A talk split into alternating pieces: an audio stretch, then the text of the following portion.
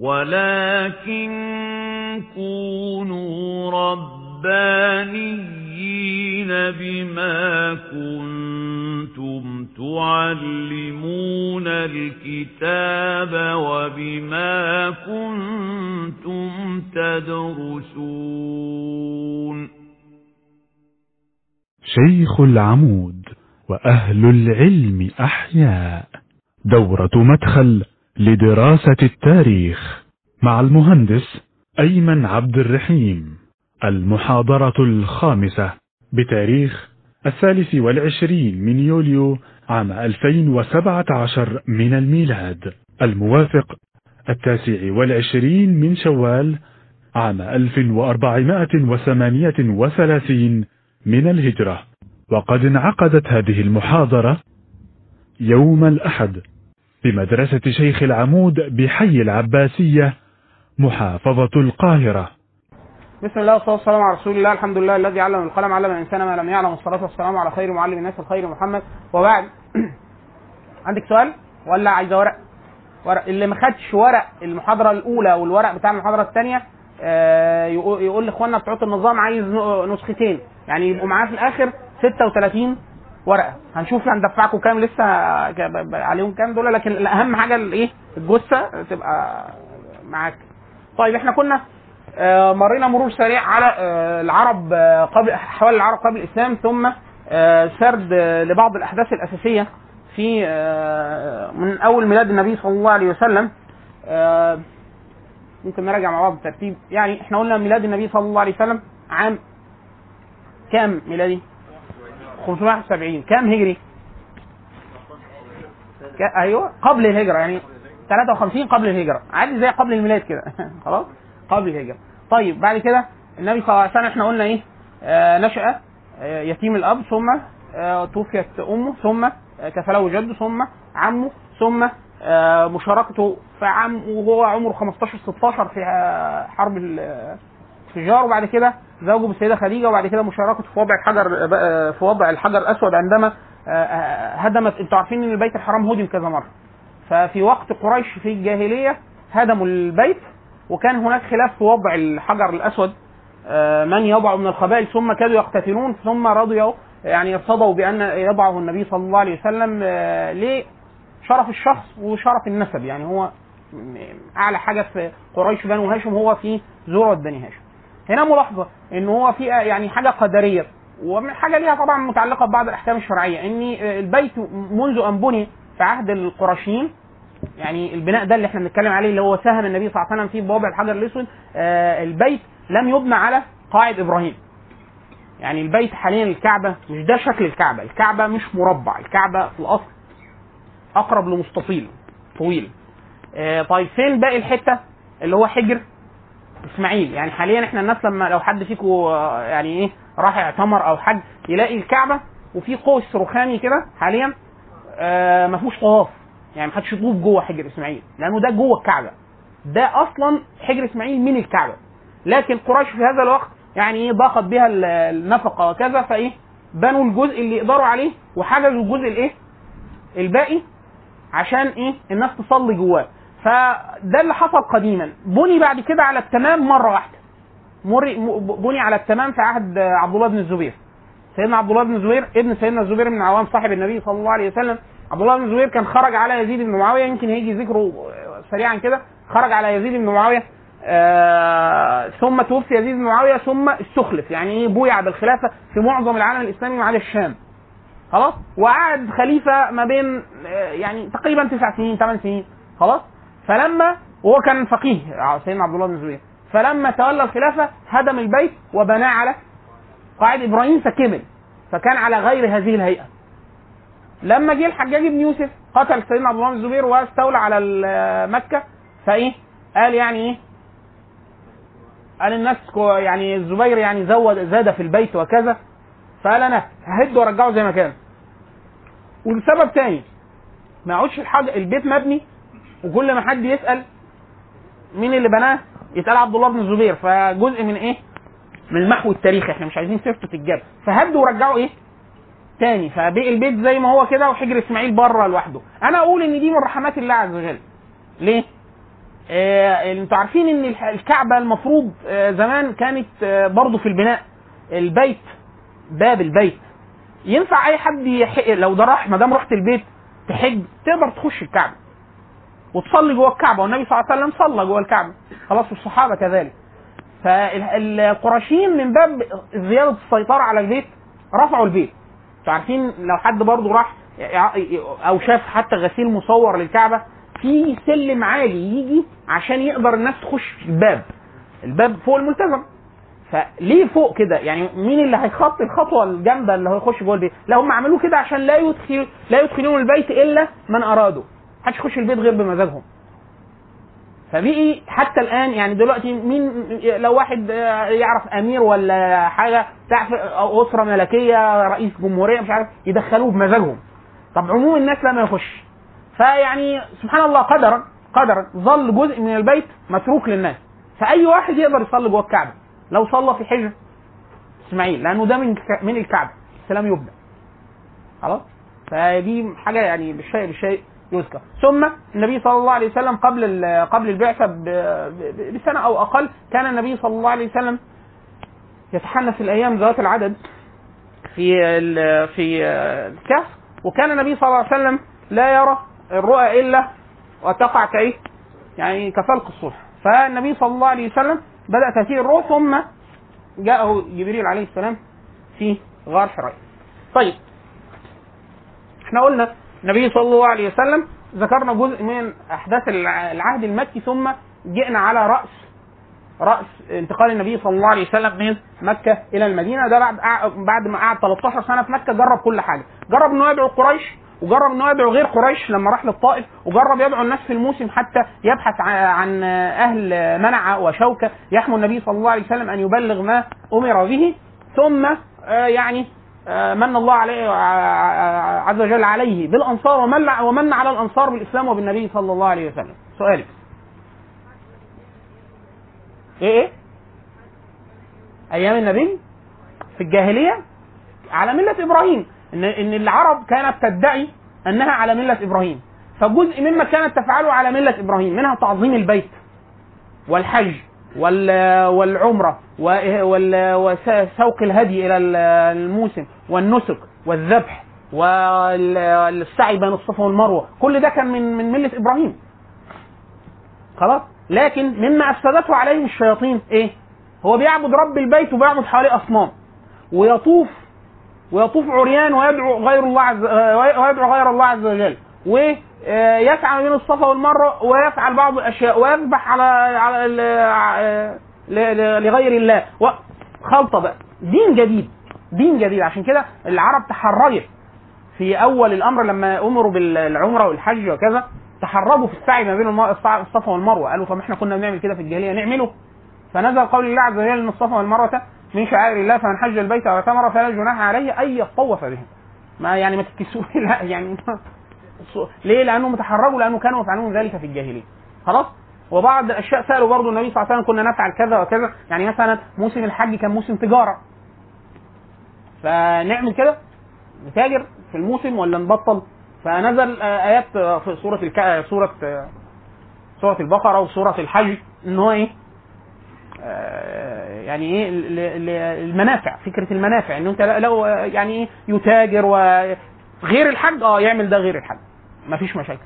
مفيش مشاكل. طب يقول شعر و آه، يعني كعادة العرب ما فيهوش آه، بس ما يكونش في فسق ولا ولا فحش ولا كذا؟ آه ينفع. خلاص؟ طيب. قولي طب ما علي صوتك عشان تسألي. أنا كده حاسس بال يعني أنت عايز تسألي سؤال عن المرة اللي فاتت. هو ده اللي أنا حاسه قول. آه إحنا اتكلمنا على فكرة عدم القراءة الارشيفيه للتاريخ ما نجيبش مصطلح حادث وننزله على القديم.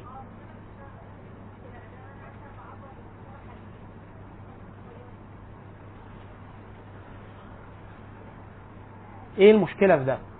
المصطلحات المصطلحات ليها حاجة بيسموها يعني إيه؟ شحنة دلالية ليها دلالة معينة. الدلالة دي آه مرتبطة بأشياء لغوية وأشياء اجتماعية وأشياء وهكذا. ف ما ينفعش أنا أجيب حاجة هي للدلالة على حاجة بعينها بعينها. وأجي أنزلها على حاجة لمجرد لمجرد الشبه البعيد كده. يعني حاجة إيه؟ عارفة عاملة عاملة زي إيه؟ أقول لك إيه؟ أقول لك آه آه، إحنا عندنا كده عدة مصطلحات حديثة مذكورة في القرآن.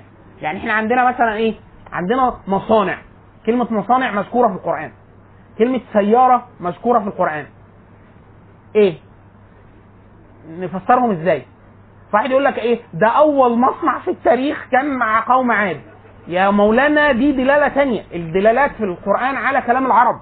فكلمة مصانع دي حاجة تانية. موارد المياه أو مش عارف حاجة تانية خالص غير مدلول كلمة مصنع اللي هي دلوقتي. ده حاجة تانية خالص. فما واحد يقول لك إيه بس دي مش مصنع ودي مصنع وإحنا قلنا عليها مصنع. لا دي دلالة ودي دلالة كلمة سيارة بتاعت آه، سورة يوسف. طيب إحنا نقول إيه في السيارة دي. سيارة سيارة؟ ولا مش سيارة سيارة؟ لا مش سيارة سيارة. مش دي السيارة خلاص ليه؟ لأن ده مقصود بيها حاجة تانية اتغيرت الدلالة. فأنا لما أجيب كلمة ديمقراطية دلوقتي ديمقراطية دي إيه؟ ليها أصل يوناني ولا أصل لاتيني ولا بتاع. وليها دلالة اجتماعية وليها دلالة سياسية وليها دلالة. الدلالة دي كلها ما كانتش موجودة ساعتها. فأنا أقول مثلا إيه؟ آه ال آه اجتماع الصحابة في سقيفه بني ساعدة ده كان أول اجتماع لمجلس الشيوخ. بتاع إيه؟ بتاع إيه؟ ده نظام وده نظام دي ده طريقة قب... طريقة قبلية جه عليها الإسلام ودي حاجة بعد نشأة. يعني إحنا بنتكلم على حاجتين مختلفين. في فرق إن إحنا نقول مفهوم معين موجود. يعني أنا مثلا أقول إيه؟ أقول مثلا إيه؟ فكرة العدل. العدل. العدل بأني مفهوم؟ العدل اللي هو إعطاء المظلوم حقه من الظالم كائنا من كان. أقدر أقول لك إن المفهوم ده موجود في أي زمان. ده إن هو أهاب الطريقة دي. ده موجود في أي حتة. ليه؟ لأنه يمكن تصور ده إن واحد مظلوم وواحد ظالم طبقا لمعايير معينة ده ممكن. لكن كلمة ديمقراطية ما أقدرش أقول إن موجودة. مواط- مواطنة ما أقدرش أقول موجودة لأن مفهوم الدولة الحديث ما كانش موجود. ما كانش مفهوم موجود أصلا. بز- آه. لا ما تقصديش. ما تقصديش. ليه؟ لأنه مصطلح. عارف يعني إيه مصطلح؟ يعني اصطلح عليه اتفق إن الديمقراطية تعني واحد اثنين ثلاثة أربعة. ده لو فتحنا أنا وحضرتك أي قاموس للعلوم السياسية. الديمقراطية دي ليها تعريف. ليها تعريف. فمثلا الناس بعد كده اللي هو الاستخدام العام للكلمة يعني مثلا واحد يقول لك إيه؟ لا والله أنا ما أنا ما أجبرش ولادي على حاجة أنا أب ديمقراطي. ده حاجة بيسموها الاستخدام الشعبي للمصطلحات العلمية. ده ملوش أي علاقة بكلمة ديمقراطية. ليه؟ هو بقى أحيانا العيال بيعملوا بيقولوا له على فكرة أنت خلصت مدتك هننتخب أب غيرك وتسلم سلطة البيت آه، بطريقة سلمية. مفيش كده. مفهوم الد- الد- الديمقراطية حزمة من المفاهيم متعلقة بتداول السلم للسلطة بكيفية التصويت بكي... شوية حاجات. الديمقراطية دي أنواع دي أنواع. كل ده حادث. فلا يمكن إنزاله على سياق تاريخي قبل أن يخلق السياق الاجتماعي والسياسي واللغوي اللي أنشأ الشيء. خلاص كده؟ فهي دي الفكرة إن أنا ما أقدرش أستخدم اصطلاح اصطلاح حتى عشان كده في العلم في العلوم لازم فكرة تحرير تحرير الاصطلاحات يعني لو حضر حد, هنا تربوي؟ حد هنا بيدرس تربوي؟ ما حدش تربوي؟ طيب. في كتير جدا من ال... من أكتر ناس أشهر ناس بيعملوا كده بتوع التربية. أشهر ناس كده بيعملوا كده بتاع وإن كان ده مشاع في مناهج البحث في العموم. هتعمل ماجستير هتعمل دكتوراه جزء من الهيكل العام بتاع أي رسالة إن أنت تكتب إيه؟ فهرس وتكتب مش عارف وتكتب الاصطلاح الاصطلاح اللي هتستخدمه. ما تقعدش انت ماشي طول الرسالة وعمال تقول كلمة تقول له أنا اقصد بالديمقراطيه دي حاجة ثانية خالص. مفيش حاجة اسمها تقصد. مفيش حاجة اسمها تقصد. في حاجة اسمها هات ده من تعريف أي قاموس. هات لي قاموس. أو طب افرض المصطلح ده مختلف عليه جوه الفن جوه العلم نفسه. تقول لي أنا هستخدمه طبقا لمجموعة الفلانيه اللي بتستخدم كذا. غير كده ما أقدرش.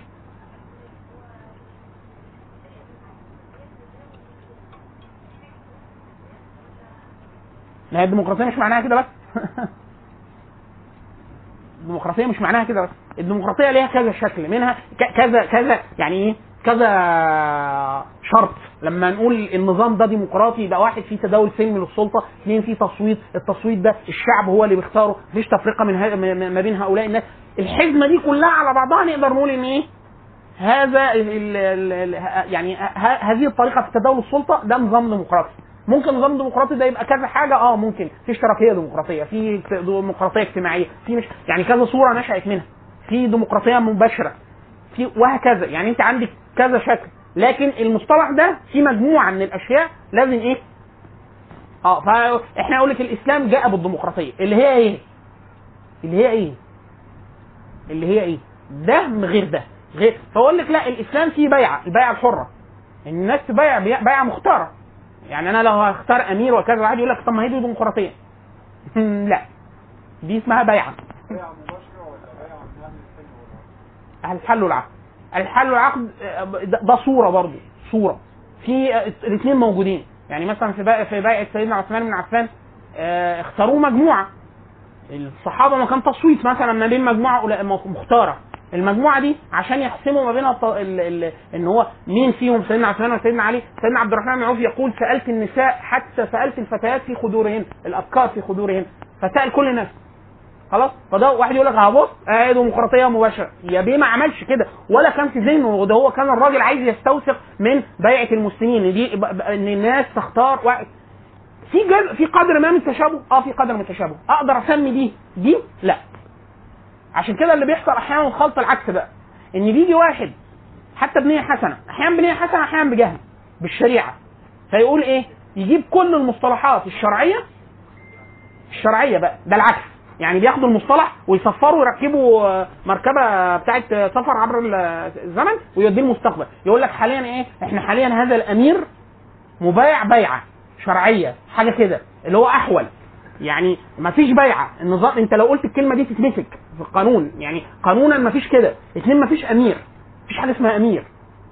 حاليا ما فيش حاجة اسمها أمير في حاجة اسمها رئيس الجمهورية رئيس الجمهورية ده له اختصاصات هذه الاختصاصات لا تتشابه بأي حال مع مفهوم السلطة في الإسلام. لو أي حد أي حد فيكم جاب بربع جنيه بربع جنيه كتب قانون يقرأ مثلا قانون دستوري ولا بتاع ويعرف توصيف رئيس الجمهورية إيه توصيف رئيس الوزراء إيه تو- توصيف الوزير إيه مفيش تشابه لا ده أمير ولا دي بيعة شرعية. ولا هم فيهم تشابه ولا حتى فيهم تشابه. فكرة إن في سلطة آه مفهوم السلطة ده موجود. مفهوم السلطة. السلطة. خلاص؟ لكن أمير بأنهي معنى؟ بالمعنى الشرعي؟ لا مش هو ده.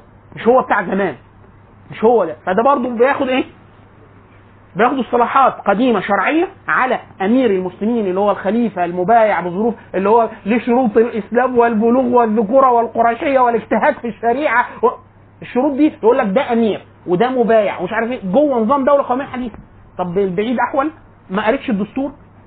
مرة حد من المشايخ أنا شفت ده فتوى اتسألت هنا في مصر وفي بلاد ثانية بسبب التناقض اللي أنا بقول لك عليه ده ما حدش عارف هو مش عارف يحرره محرره بينه وبين نفسه. يقول له يا مولانا ينفع الناس تعمل مظاهرات؟ قال له لا ما ينفعش. ليه؟ قال له ده بيقلب الناس وشغب وبتاع. فالكلام كده إيه؟ مفهوم إيه؟ ال- الراجل بيفكر إزاي؟ ان دائما المظاهرات دي حاجة عشوائية وممكن يحصل فيها عمل تخريب ويندس فيها ناس وبتاع. كده ماشي.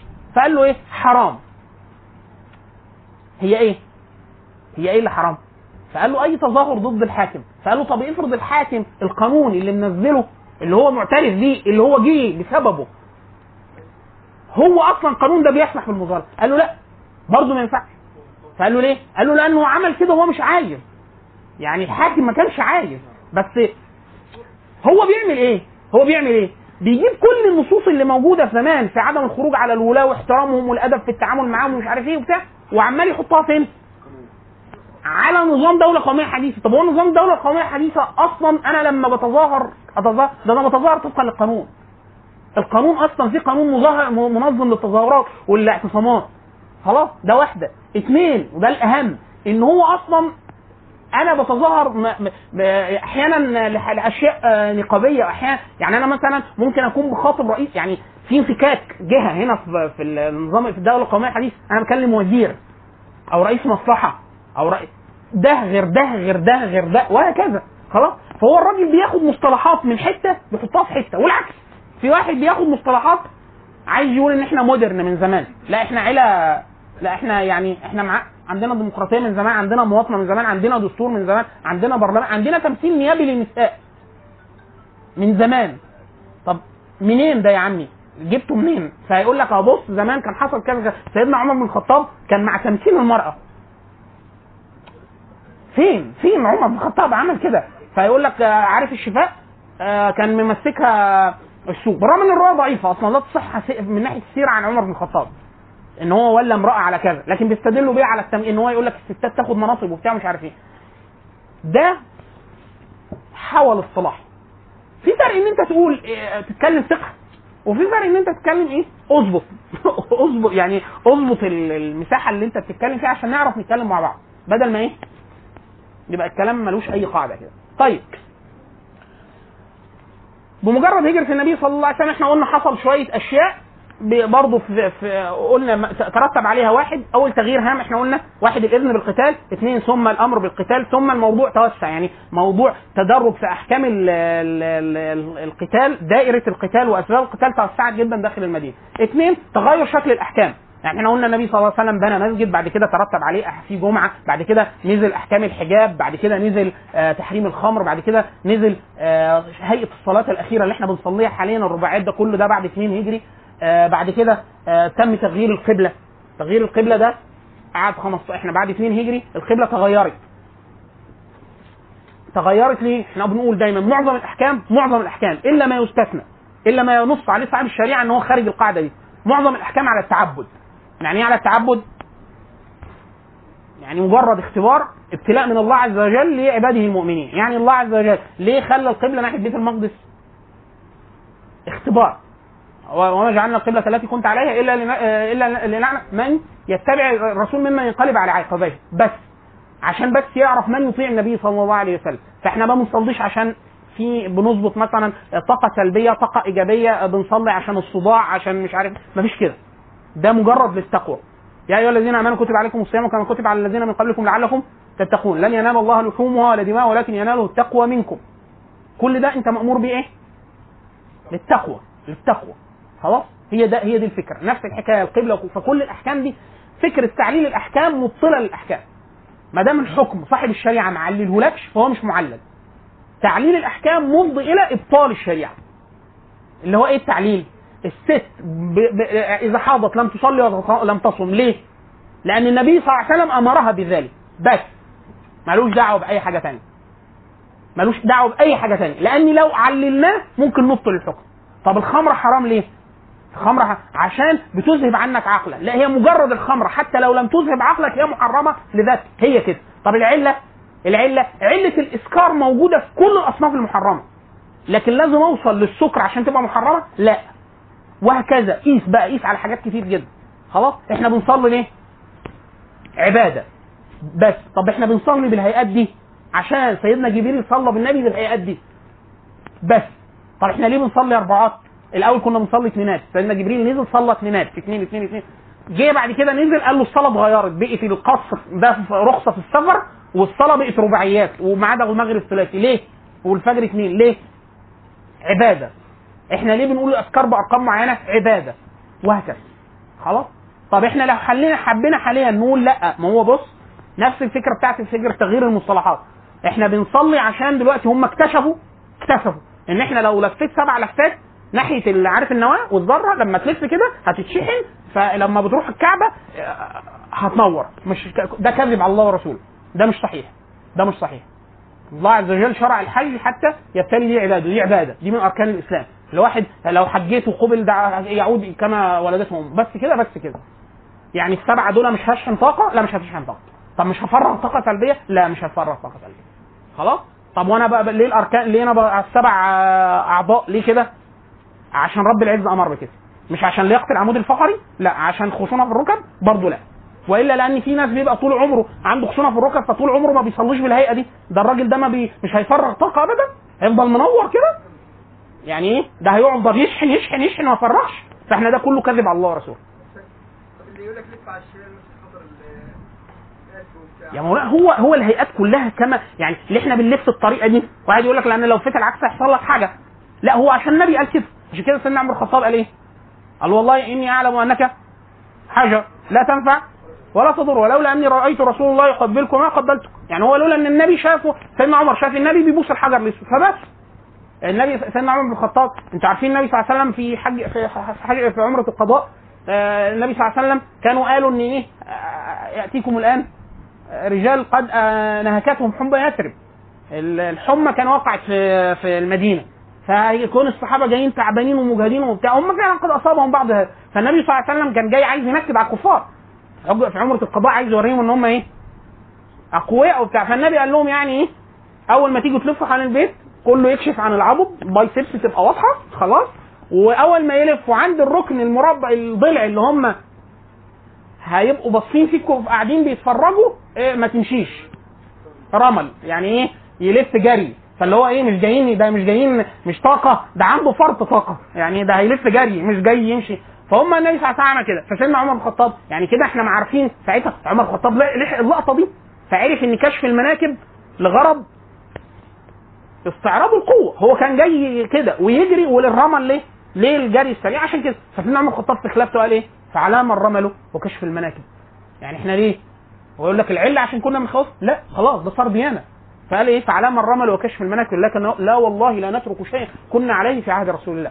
يعني الناس لغاية دلوقتي الراجل هنروح نوري ال biceps لمين؟ أنت هتصور سيلفي مع ال biceps بتاعتك مثلا ولا حاجة. مش هتعمل مفيش حد بيتفرج عليك ولا هيكيدك ولا بتاع. خلاص النبي صلى الله عليه وسلم آه، أخرج جميع الكفار من المشركين من جزيرة العرب.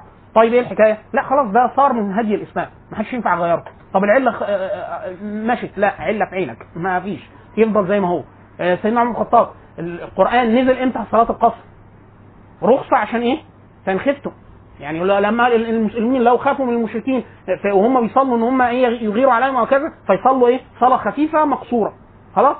فسيدنا عمر بن الخطاب لما أمن الناس في آخر حياة النبي صلى الله عليه وسلم وبيعة العرب وبتاع كده العلة راحت فقال للنبي صلى الله عليه وسلم يا رسول الله وقال له طب ما خلاص إحنا دلوقتي آمنين وبتاع فالنبي صلى الله عليه وسلم قال له إيه؟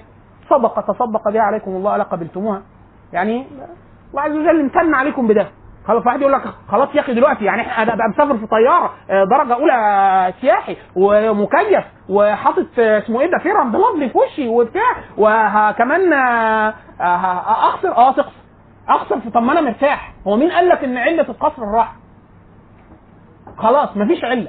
هو قال لك مفيش علة. دي صدقة منا من الله عز وجل على الناس. خلاص كده؟ يعني دي ما ترتفعش بال بال بالرحرحة والبتاع لا. ما ترتفعش بالرحرحه ولا بالتكييف لا. طب لابس آه، اديداس برضه اخسر آه تخسر برضه خلاص لو على حسب بقى شوف أنت إيه توجيه الفقهاء لده. يعني في أحيانا بيقولوا القصر أوجب آه، الإتمام أوجب القصر أوجب وهكذا على حسب المذهب وعلى حسب الحال. يبقى ده الفقيه اللي بيحرره مش الراجل بتاع الرحرحه خلاص كده؟ فدي هي دي الأمور مرتبطة كده. جه واحد سأل سيدنا عمر الخطاب في خلافته قال له إحنا دلوقتي الناس آمنت. وده المسلمين مش مسيطرين على الجزيرة العربية؟ لأ. آه، خدوا فارس والروم ومصر وبتاع مش عارف إيه. فبرضه نخسر. في السفر ده إحنا واضح في الآية إن إحنا عشان الخوف. وده من أو دا دايما يقولوا عشان كده أحيانا بيسموا بعض الضلال خارجين عن الشريعة في التاريخ المعاصر يسموهم قرآنيين. يعني إيه؟ يقول لك إحنا نكتفي بالقرآن. لو راح للآية في القرآن يقول لك آه الحكم معلق. عشان خايفين من المشركين وإحنا دلوقتي مش خايفين فما نخسرش. ده كذاب كذاب على الله كذاب على رسول الله ويكذب على الأمة. انه ده خلاص ده مستقر عند الأمة اجماعا إن هو مش مرتبط مش معلل. خلاص؟ سيدنا عمر الخطاب قال له أنا تعجبت مما تعجبت منه يعني هو نفس الحكاية. أنا سألت نفس السؤال اللي أنت سألتوني ده سألته للنبي فالنبي قال لي وقال له الحديث. اللي هو إيه؟ أنه دي منة وصدقة ودائمة ولا تزول ومش معللة. خلاص؟ طب إيه الحاجات المعللة؟ اللي نص عليها الفقيه ولا الأصول إن هي معللة ومعروف ما بين الفقهاء إن هي معللة. لو في خلاف خلاص يبقى خلاف يسعه أصل في أحكام يقول لك إيه؟ في أحكام متعلقة أحيانا بالحيض وكذا في بعض المذاهب يقولوا لا ده ده غير معقول المعنى. يعني ما يخشش فيه دكاترة ولا بتاع لا ما يخشش فيه دكاترة زي السادة المالكيه في بعض الأقوال. في بقية المذاهب يقول لك لا يسأل فيها النساء وأهل الخبرة والدكاترة. خلاص؟ فهنا ده مختلفين هو معلل ولا مش معلل؟ هنا يبقى بخلاف يسع اللي مجمع عليه إن هو مش معلل يبقى مجمع عليه مش معلل. من يخالف هذا؟ لو كفر ممكن يكفر. لأنه بيطلع دين جديد. وده بدأ يظهر من سنتين ثلاثة اللي هي الإيه؟ العبث بالأحكام الفرعية. يقول لك ست حائط ليه ما تصومش؟ هي بتصير الصلاة عشان مش عارف إيه هو بيعلل ده كذب على الله وعلى رسوله وعلى وعلى كل حاجة. هو الأمر ده مش مرتبط. مين قال لك إن دي العلة؟ مش ده مش ده. خلاص كده؟ طيب. آه، النبي صلى الله عليه وسلم بمجرد استقرار وبدء آه، ال- الإذن بالقتال النبي صلى الله عليه وسلم بما إنه عربي وتاجر فهو إيه؟ معظم سرايا النبي صلى الله عليه وسلم كانت عايزة تصل لمرحلة لمرحلة تتضرر بها قريش اقتصاديا كما فعلت بالنبي صلى الله عليه وسلم وأصحابه. الناس دي يخرجوا من آه، من آه، من آه، من ديارها ومن أموالها. خلاص هو النبي صلى الله عليه وسلم عايز يذيقهم بعد ما ذاقه وذاقوه لأصحابه، ده واحد. اثنين عايز يضغط عليهم عشان يحيدهم لأن ما زالت قريش معاها من القدرة المالية والوجاهة ما بين العرب إن هي تقلب عليه العرب خلاص فالنبي صلى الله عليه وسلم بدأ إيه يتحرك يتحرك هو؟ مكة هنا والمدينة فوقيها في. وادي الساحل. خلاص؟ قريش عشان تروح من مكة تروح الشام لازم تعدي على الساحل وإيه؟ فالنبي صلى الله عليه وسلم كل الحركة بتاعته كان لقطع سبل التجارة على قوافل قريش حتى لا تأمن أي قافلة تروح الشام. خلاص؟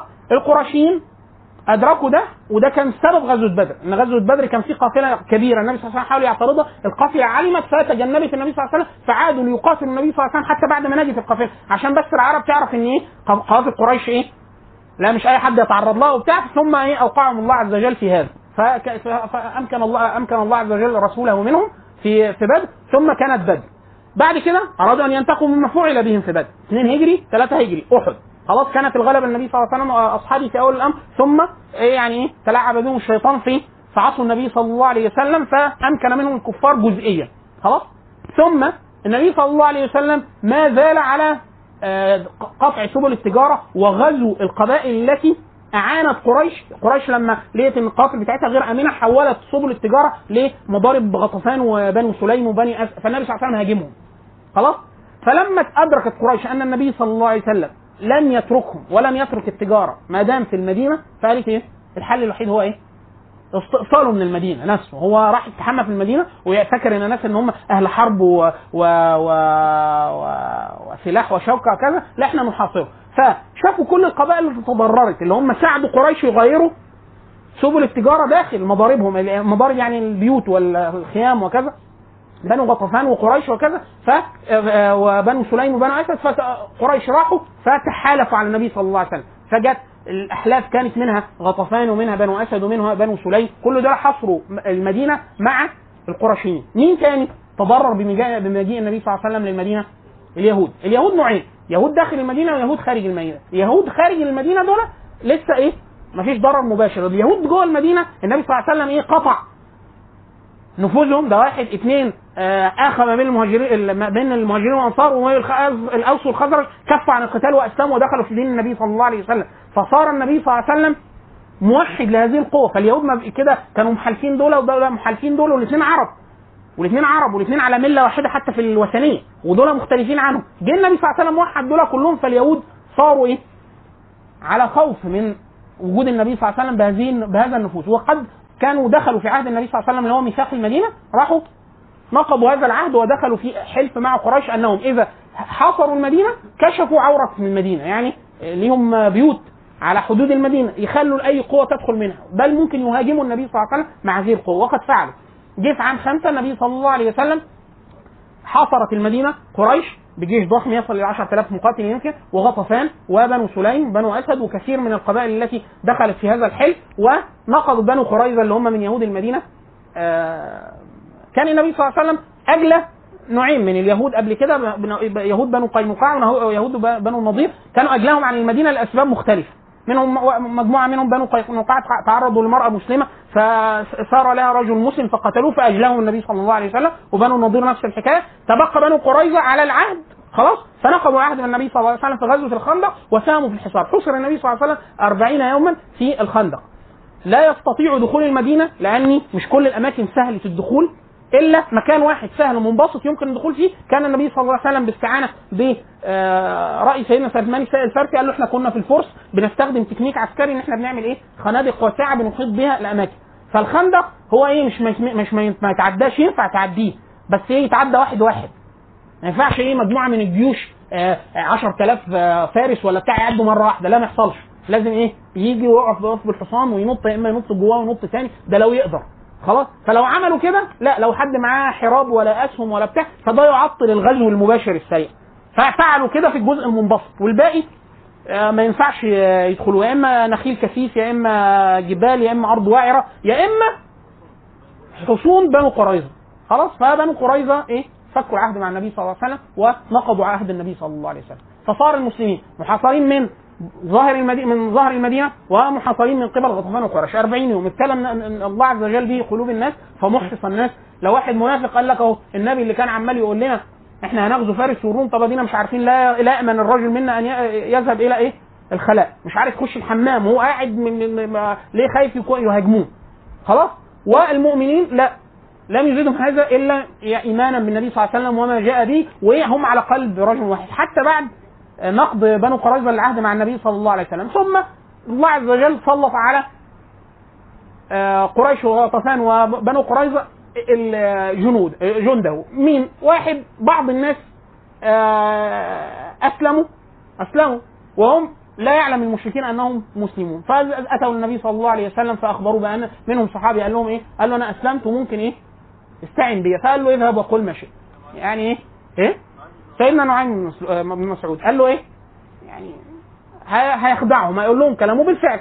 عمل خدعة كانت لها أثر مهم جدا. راح للقرشيين قال لهم على فكرة ال ال يعني هو راح لكل الأطراف راح للغطفان وراح لقريش وراح لليهود. كل واحد فيهم راح لليهود قال لهم على فكرة غطفان وقريش أديهم محاصرين النبي صلى الله عليه وسلم. ما عرفوش يعملوا معاه حاجة. هيروح هيمشي. وهيسيبوكم معاه. فالنبي صلى الله عليه وسلم هيفسك بيكم. والنبي صلى الله عليه وسلم كان اجلى بنو قنقاع وبنو النضير قبل كده فهم عارفين النبي صلى الله عليه وسلم مش هيتركهم. فأنتوا افرض قريشين وغطفان عملوا كده قالوا له طب إحنا نعمل إيه؟ قال أنا سامع إن هم عايزين يمشوا.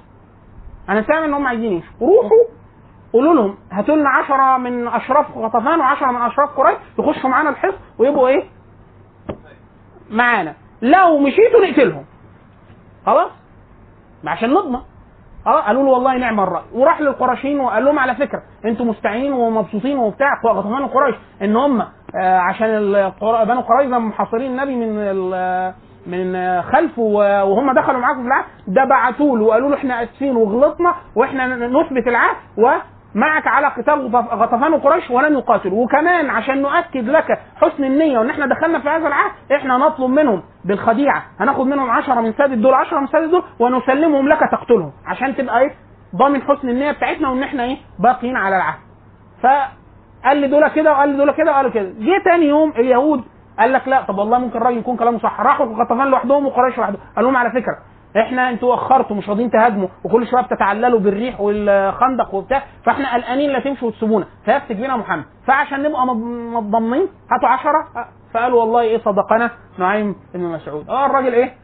قال لنا صح. والتانيين قالوا آه والله فعلا ده ده شكلهم دخلوا في العهد وبتاع فانفكت إيه؟ قوى الحصار. ده شك في ده وده شك في ده والاثنين شكوا في بعض ثم أرسل الله عز وجل عليهم الريح فقلبت لهم القدور وأطفأت لهم النيران فلم يستطيعوا ثم انصرفوا عن المدينة بعد 40 يوم. طبعا النبي صلى الله عليه وسلم كان من نتائج هذا الغزوة أشياء. منها فكرة تميز المنافقين بشكل واضح. طبعا المنافقين كان لهم آه، عدة آه، عدة آه، مواطن مع النبي صلى الله عليه وسلم. يعني في أحد رجع تلت الجيش. مش عارف في في لما النبي صلى الله عليه وسلم يجلي بنو قينقاع وكان يقتلهم على بكر ابيهم بسبب الرجل الذي قتلوه وهو يدافع عن المرأة المسلمة.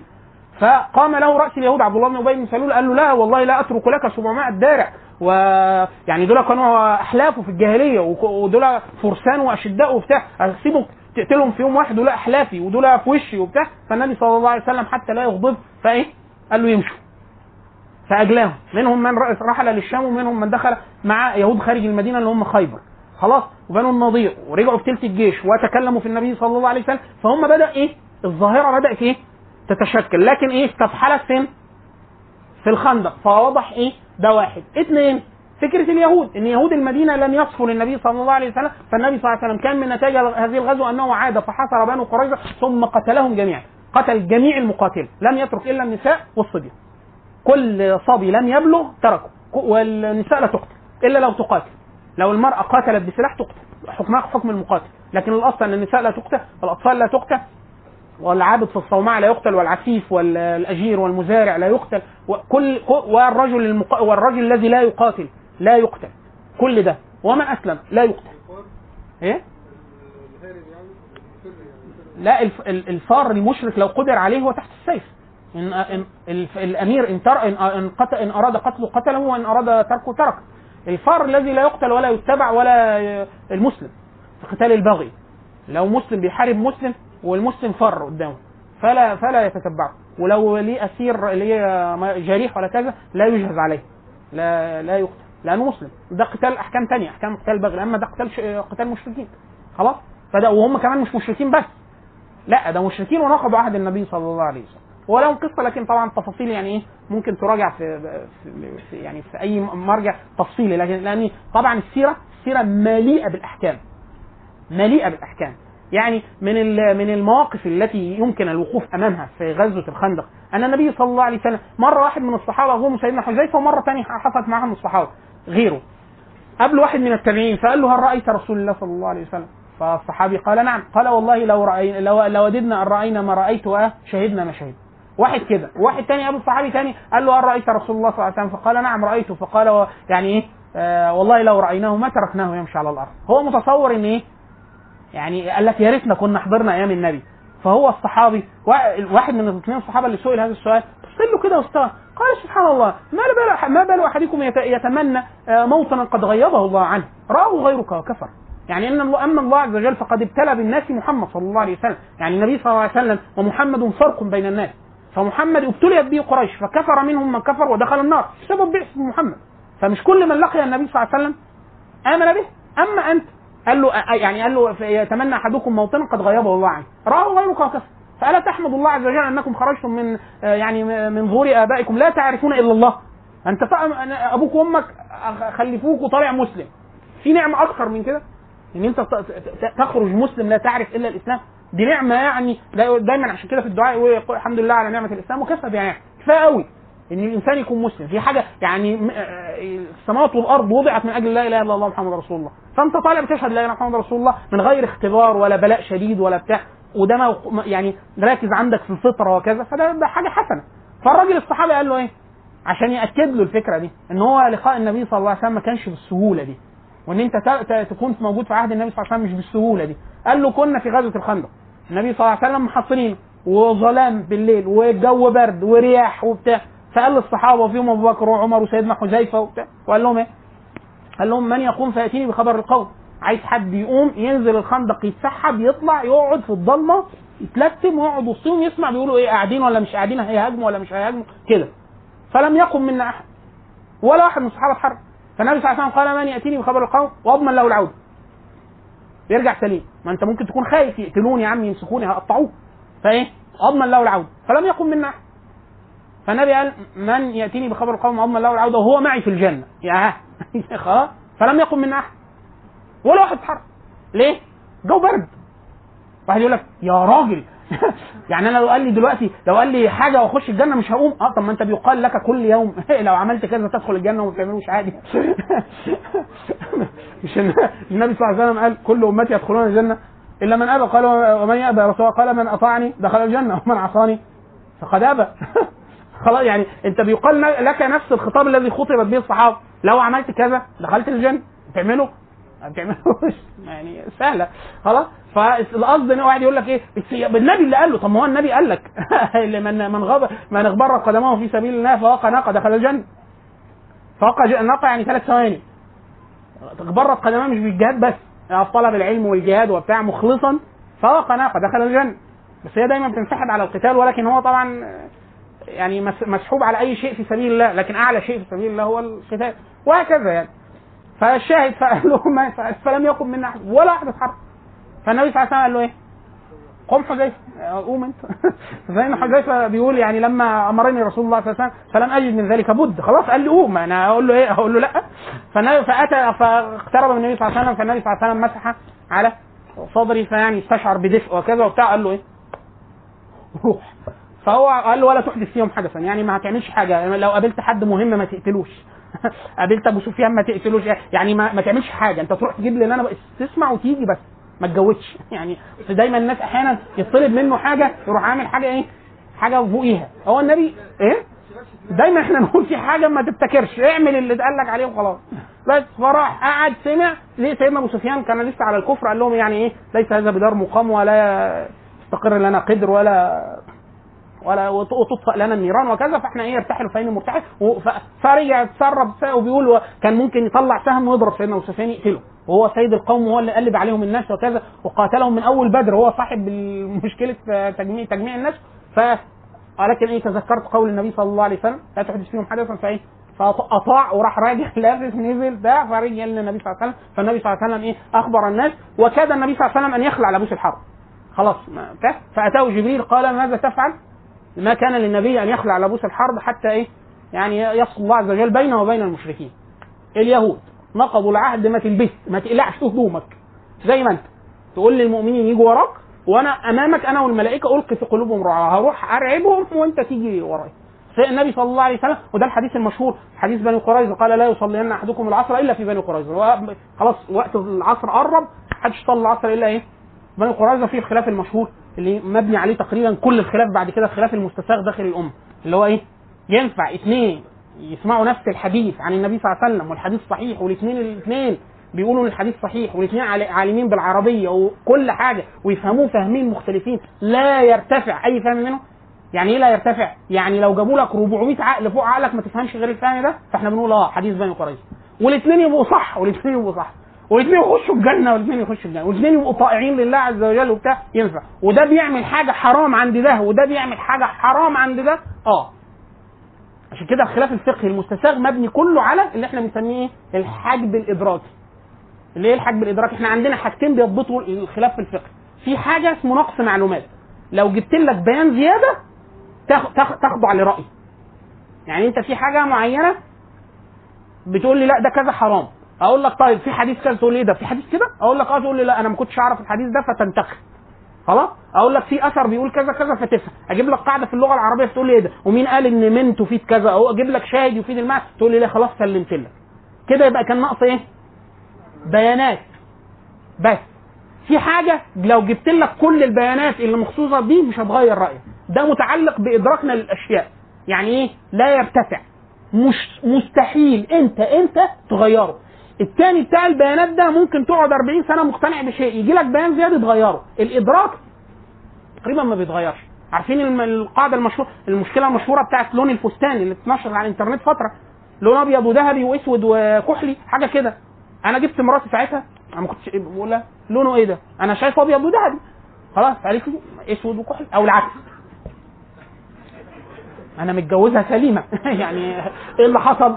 عندها عشاء ليلي. بتاع يا بنتي ركزي والمصحف ما تحلفيش. وهي أصل إيه؟ هي شايفاه كده. وفين بعد كده؟ طبعا نزلت كم الدوكيومنتس اللي اتعملت عليها. إيه ليه الناس بتشوف كده؟ في الفقه كده في الإدراك كده. الحاجة أنت شايفها إزاي؟ أنا شايفها حرام. ليه؟ دلاله الحاجة اللي أنا فاهمها. طب أنا ممكن أقنعك بغيرها؟ مستحيل. طب والاثنين مقبولين؟ أه مقبولين لأن ربنا خلقنا كده. خلقنا كده عشان الأمة اللي عشان كده دايما يقولوا إيه؟ إجماعهم حجة قاطعة. الشيء اللي بتجمع عليه الأمة إن هو حرام يبقى حرام وده حجة قاطعة. لا يسع أحد إن هو خلفه بل بعض مخالفات بعض الإجماعات تكفر تخرج من الملة. خلاص؟ طيب وخلافهم رحمة واسعة. الخلاف أنهي؟ ده. اللي هو إيه؟ اللي هو خلاف سائغ لا يرتفع. النبي قال لهم لا يصلين أحدكم العصر إلا في قريظه فالناس إيه ركبت الخيول ومتحركت وهم في السكة وقت العصر هيخرج. فقالوا لا هو النبي في ناس قالت لا. هو النبي قال لا يصلي أحدكم العصر يعني إيه؟ ما اشوفش حد بيصلي العصر إلا في بني قريظه ففهموا إيه؟ إن إحنا هنمشي بسرعة بس العصر وقته هيخرج. والنبي مبعوث فينا يا مولانا إحنا كان ساعتها في غزوة الخندق يعني ليه كام؟ 18 سنة.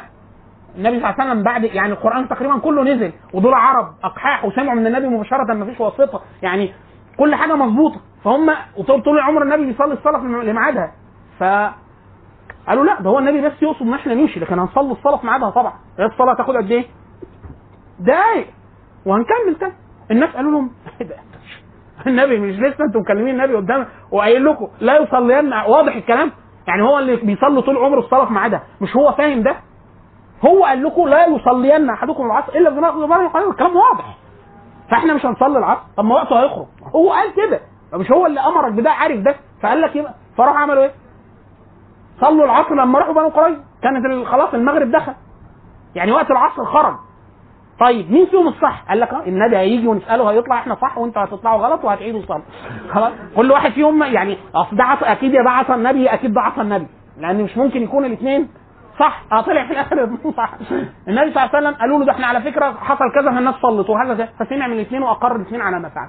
وده هذا النص هو النص العمدة في الاختلاف السائغ في الأفهام. ده فهم ادراكي يعني إيه؟ واحد يقول لك إيه؟ يا راجل جبت له الحديث والآية وبتاع ومش راضي يفهم. ضلالي. مش ضلالي. أو في يقول لك إيه؟ أبو حنيفة قال كذا وقال لك مباح. قال. ليه ما كان شايفها إزاي دي؟ لا هو مش شايفها إزاي؟ ده حاجة إدراكية. يعني أبو حنيفة ومن وراه 10 20 صحابي شايفينها كده. فما فيش محل لا للاستخفاف ولا تقول في حد يفهم بالطريقة دي؟ آه في حد بيفهم بالطريقة دي. في صحابة فهموا بالطريقة دي. وده أمر حسن وهو مقبول ديانة وبتاع عشان كده في في في كتاب لطيف جدا اسمه كيف نتعامل مع التراث والتمذهب والاختلاف. كتاب طبع دار وهبة. دكتور يوسف قرضاوي كيف نتعامل مع التراث والتمذهب والاختلاف. في كم نصوص من كم مذاهب عن الأئمة. الكتاب ده ثري جدا بالنقول. واحد بقى كان مرة لابن حزم بيقول له يعني أنا أعمل إيه دلوقتي؟ لو أنا برى إن الحجامة تنقض الوضوء. خلاص؟ وجاء قدامي واحد احتجم. وشايف إن الحجامة ما تنقضش الوضوء وهيصلي بيا. طب أنا أعمل إيه دلوقتي؟ أنا هصلي ورا واحد أنا أنا أنا أنا حنفي. وهصلي ورا واحد شافعي. وأنا عارف إن هو مسح بصباعه على عمل كده على دماغه وصلى. وأنا لا أرى أرى إن وضوءه باطل. لأن أنا عايز إيه؟ يمسح دماغه كلها وهو مسح كده. ووضوءه باطل فملوش صلاه عندي. أصلي وراه. ينفع؟ فابن حزم قال له إيه؟ قال له وكيف أفعل لك وأنت لا تصلي وراء عمر بن الخطاب وسعيد بن المسيب وم- عدد له الصحابة والأئمة اللي يروا بهذا الرأي.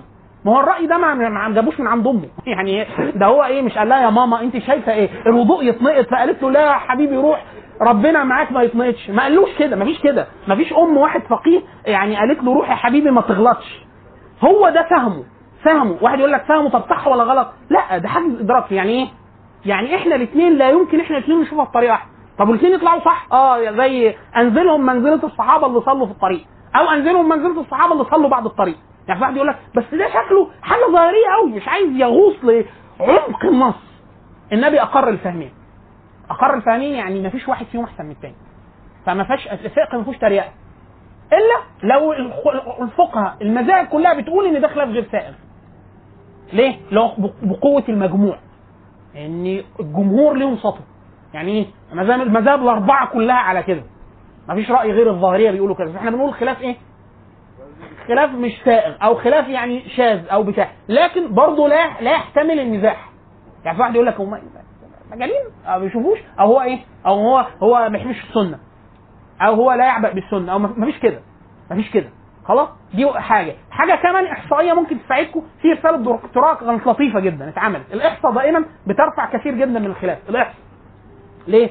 لأن أحيانا سبب الخلاف بيكون إيه؟ أنت متصور إن معظم الناس على اللي أنت بتقوله. معظم الناس. وعدد بسيط جدا من الناس على عكس اللي أنت بتقوله. فأنت متصور إن أنت إيه؟ دول مجموعة آه، يعني آه، أقلية مندسه أنت متصور كده. بس ده مش صحيح. فالاحصاء بتعصم ده الاحصاء بتجيب لك أرقام. إيه الأرقام؟ الراجل كان عامل كتاب اسمه تكوين ملكة الاجتهاد من خلال كتاب بداية المخت... بداية المجتهد ونهاية المقتصد بتاع ابن رشد. كتاب اسمه تكوين ملكة الاجتهاد. الراجل عامل إيه؟ لا مش فاكر مش فاكر اسم المؤلف. هو الكتاب موجود PDF. ممكن ممكن تراجعوه اظن أظن طبع دار المنهاج. أظن. بس موجود PDF. اسمه تكوين ملكة الاجتهاد من خلال كتاب بداية المجتهد ونهاية المقتصد كتاب الكتاب بتاع بداية المجتهد ونهاية المقتصد لابن رشد. بس مش ابن رشد مؤلف الكتاب ده كتاب معمول على ابن رشد. كتاب ابن رشد إيه أهميته؟ إن جايب مثلا 9000 مسألة فقهية يجيب الرأي ويقول لك أجمعوا على كذا يعني المذاهب الأربعة مجمعة على كذا. واحيانا يجيب رأي الظاهرية واحيانا يجيب رأي الإمامية كمان الشيعة. وبعد كده يقول إيه؟ يقولوا اختلفوا في كذا في المسألة. خلاص أنت عارف إن هم مختلفين. ويقول لك وسبب الخلاف. يقول لك اختلفوا ليه؟ فيقول لك بسبب اللغة العربية. هم كانوا هنا مختلفين في الباء تفيد إيه؟ فاختلفوا على ثلاث أقوال. أو اختلفوا لسبب أصولي. أو اختلفوا لأن لثبوت الحديث. في قال عليه صحيح وقال عليه ضعيف. وفي واحد ما وصلوش النص. وفي مش عارف وهكذا. خلاص؟ ففي ناس كثير جدا بيرد بينها إن هو إيه؟ يقول لك هو أكيد النص ما وصلوش. لأنه لو وصل له ما يقولش إيه؟ بده. فاحيانا بس الناس بتصور أقل سبب من أسباب الخلاف من أقل أسباب الخلاف على الإطلاق. ما بين المذاهب عدم وصول النص. أو عدم صحة النص. الخلاف في صحة النصوص. أقل سبب على الإطلاق. خلاص؟ أعلى سبب 38% من الخلاف الفقهي 38% طبقا للإحصائية اللي عاملها الراجل ومجدوله ميزتها إن هي مجدوله ومعمولة آه، بحث إحصائي حسن يعني. آه، 38% راجع لاختلاف في دلالات الألفاظ. عشان كده إحنا بنقول تعلم العربية من الديانة. لحظة. 38% من الخلاف في دلالات الألفاظ. هو اللفظ ده يفيد إيه؟ خلاص؟ يعني زي القرء. فالقرء ده الحب ولا طهارة؟ دي يطلع لك مذهبين ثلاثة بسبب إن هو اختلاف في دلالات الألفاظ. الباء تفيد إيه؟ يبقى نمسح الراس كلها ولا بتاع؟ في خلاف إيه؟ ف- برؤوسه الباء دي إيه؟ خلاص؟ وهكذا. كل ده اختلاف في دلالات الألفاظ. دلالة. اما حروف معاني أو ال- الأسماء أو الافعال خلاص كده؟ 30% 30% سببه خلاف أصولي. أو 33% خلاف أصولي. اصولي يعني مختلفين في أصول الفقه. الأصول اللي هي إيه؟ اللي هي قاعدة الإدراك والنظر. زي الإمام مالك مثلا تلاقي عنده حديث البيعان بالخيار ما لم يتفرقا. الحديث ده موجود في الموطأ. خلاص؟ والمالكية أو الإمام مالك لا يقول بخيار المجلس. طب الحديث ده صحيح ولا مش صحيح؟ يقول لك سنده صحيح. طيب أيوه بقى قول. ما هو ده بمنزلة الصحابي اللي النبي قال له لا يصلين سند صحيح هو عارف إن النبي قال كده. أمال أنا إيه المختلف فيه؟ أنا فهمته إزاي اللي هو الأصول أصول النظر أصول المدارك هو. بي... بيفهم النصوص إزاي خلاص فهو إيه ال 33% الإمام مالك بيقول إيه هو عنده عمل أهل المدينة مقدم على احاديث الأحاد عمل أهل الإجماع يعني على خلاف ما بين المالكيه التحديد يعني إيه عمل أهل المدينة؟ هل هو إجماع على المدينة أهل المدينة ولا كذا؟ حاجات كده. الشاهد إن هو بيقول لأ البيوع في المدينة على غير كذا فنحن لا نقول بخير المجلس. فما ينفعش حد يجي يقول للإمام مالك مش عاجبه الحديث أو رد الحديث. هو زي الصحابي اللي اتقال له لا يصلين أحدكم العصر إلا في منى وقريظة وصلى في الطريق. طب النص عندك صحيح؟ آه لما هو النبي قايله لي ده مفيش واسطة. مش هقول لك الإسناد صحيح. وأنت عربي عربي. وفاهم النص؟ آه، طب أنت فاهم إيه؟ فاهم إن إحنا نصلي نمشي بسرعة. فهمته إزاي؟ أه أنا اللي فهمته ده. الثاني فهمه إن هو لا يصلين أحدكم لا يعني لازم نصلي في بني قريظة. فده فهمه ده أصول فقه. ده دي دي محددات إدراك ونظر. 33 و38 كام؟ 71 71 71% خلاف أصولي لأن دلالات الألفاظ مبحث أصولي. بيبحثها الاصولي خلاص؟ يبقى كده إحنا إيه؟ 71% خلاف أصولي. خلاف إيه؟ اصول يعني 71% من خلاف اصول بعد كده أشياء أشياء أشياء. واحد يعني صفر علامة صفر صفر واحد الخلاف في صحه النصوص ده شبه منعدم بلغة الهندسة نجليجابل مش موجود يا فندم. يعني اعتبره آه، ملوش كتلة. خلاص؟ فالخلاف أصولي في الأساس. عشان كده في دراسة لطيفة جدا كانت معمولة في دار في مؤسسه الرساله زمان عاملها شيخ أزهري كبير آه على القواعد الأصولية آه معنى العنوان أنا ممكن أجيب لكم أستوسخ من النص يعني اللي هو إيه؟ القاعده الأصولية التي انبنى عليها الخلاف. يعني ليه المذاهب دي الاختلاف ما بين المذاهب الأربعة بالطريقة دي ومذاهب غير ثانية غيرها؟ ليه الخلاف واصل للدرجة دي؟ خلاف الأصول. واحد يقول لك يعني النص يبقى قدامهم واحد ويختلفوا على أربع أراء. آه. إيه السبب؟ اختلاف الإدراك. إحنا بنشوف الحاجة إزاي؟ وإحنا مثابين على ده آه مثابين؟ الكلام اللي أنا بعتقد انه ده صحيح وده دين رب العالمين. طب أنا لو النبي بقى شافني روح لو قابلت النبي شخصيا وسألته في الغالب هيقول ده صح وده صح وده صح وده صح. أو كلكم مقبولين. ليه مقبولين؟ لأن إحنا كلنا مش هنقدر نفهم غير بالطريقة اللي إحنا بنفهم بيها لأ إحنا مش ناقصنا داتا مش ناقصنا بيانات. ده إحنا بنشوف ال- الكون بالطريقة دي. وممكن يوم القيامة بقى تخش الجنة ممكن نسأل بقى. تسأل رب العالمين. تقول له يعني هو كان المقصد الأساسي. لكن أنت في الدنيا مثاب آه طائع آه مجتهد آه عابد آه كل حاجة مظبوطة آه مظبوط. تقدر تقول اللي أنا بقوله صواب وحسن ودين وكل حاجة آه مظبوط. طيب آه خلينا بقى من السؤال لحظة نرجع تاني. أنا ليه قلت المثال ده؟ لأنه المثال ده من المسائل الإيه؟ الجوهرية جدا في السيرة تريح في حاجات كتير تاني. تخليك كده إيه؟ منبهج ومنبسط آه، مش مكلكع. حد استأذنه في كوباية فاضية أو هاتها مية بحيث أشرب المية وبعد كده أشرب بيبسي يعني يبقى إيه يبقى انت ضربت عصفورين بحجر. إيه؟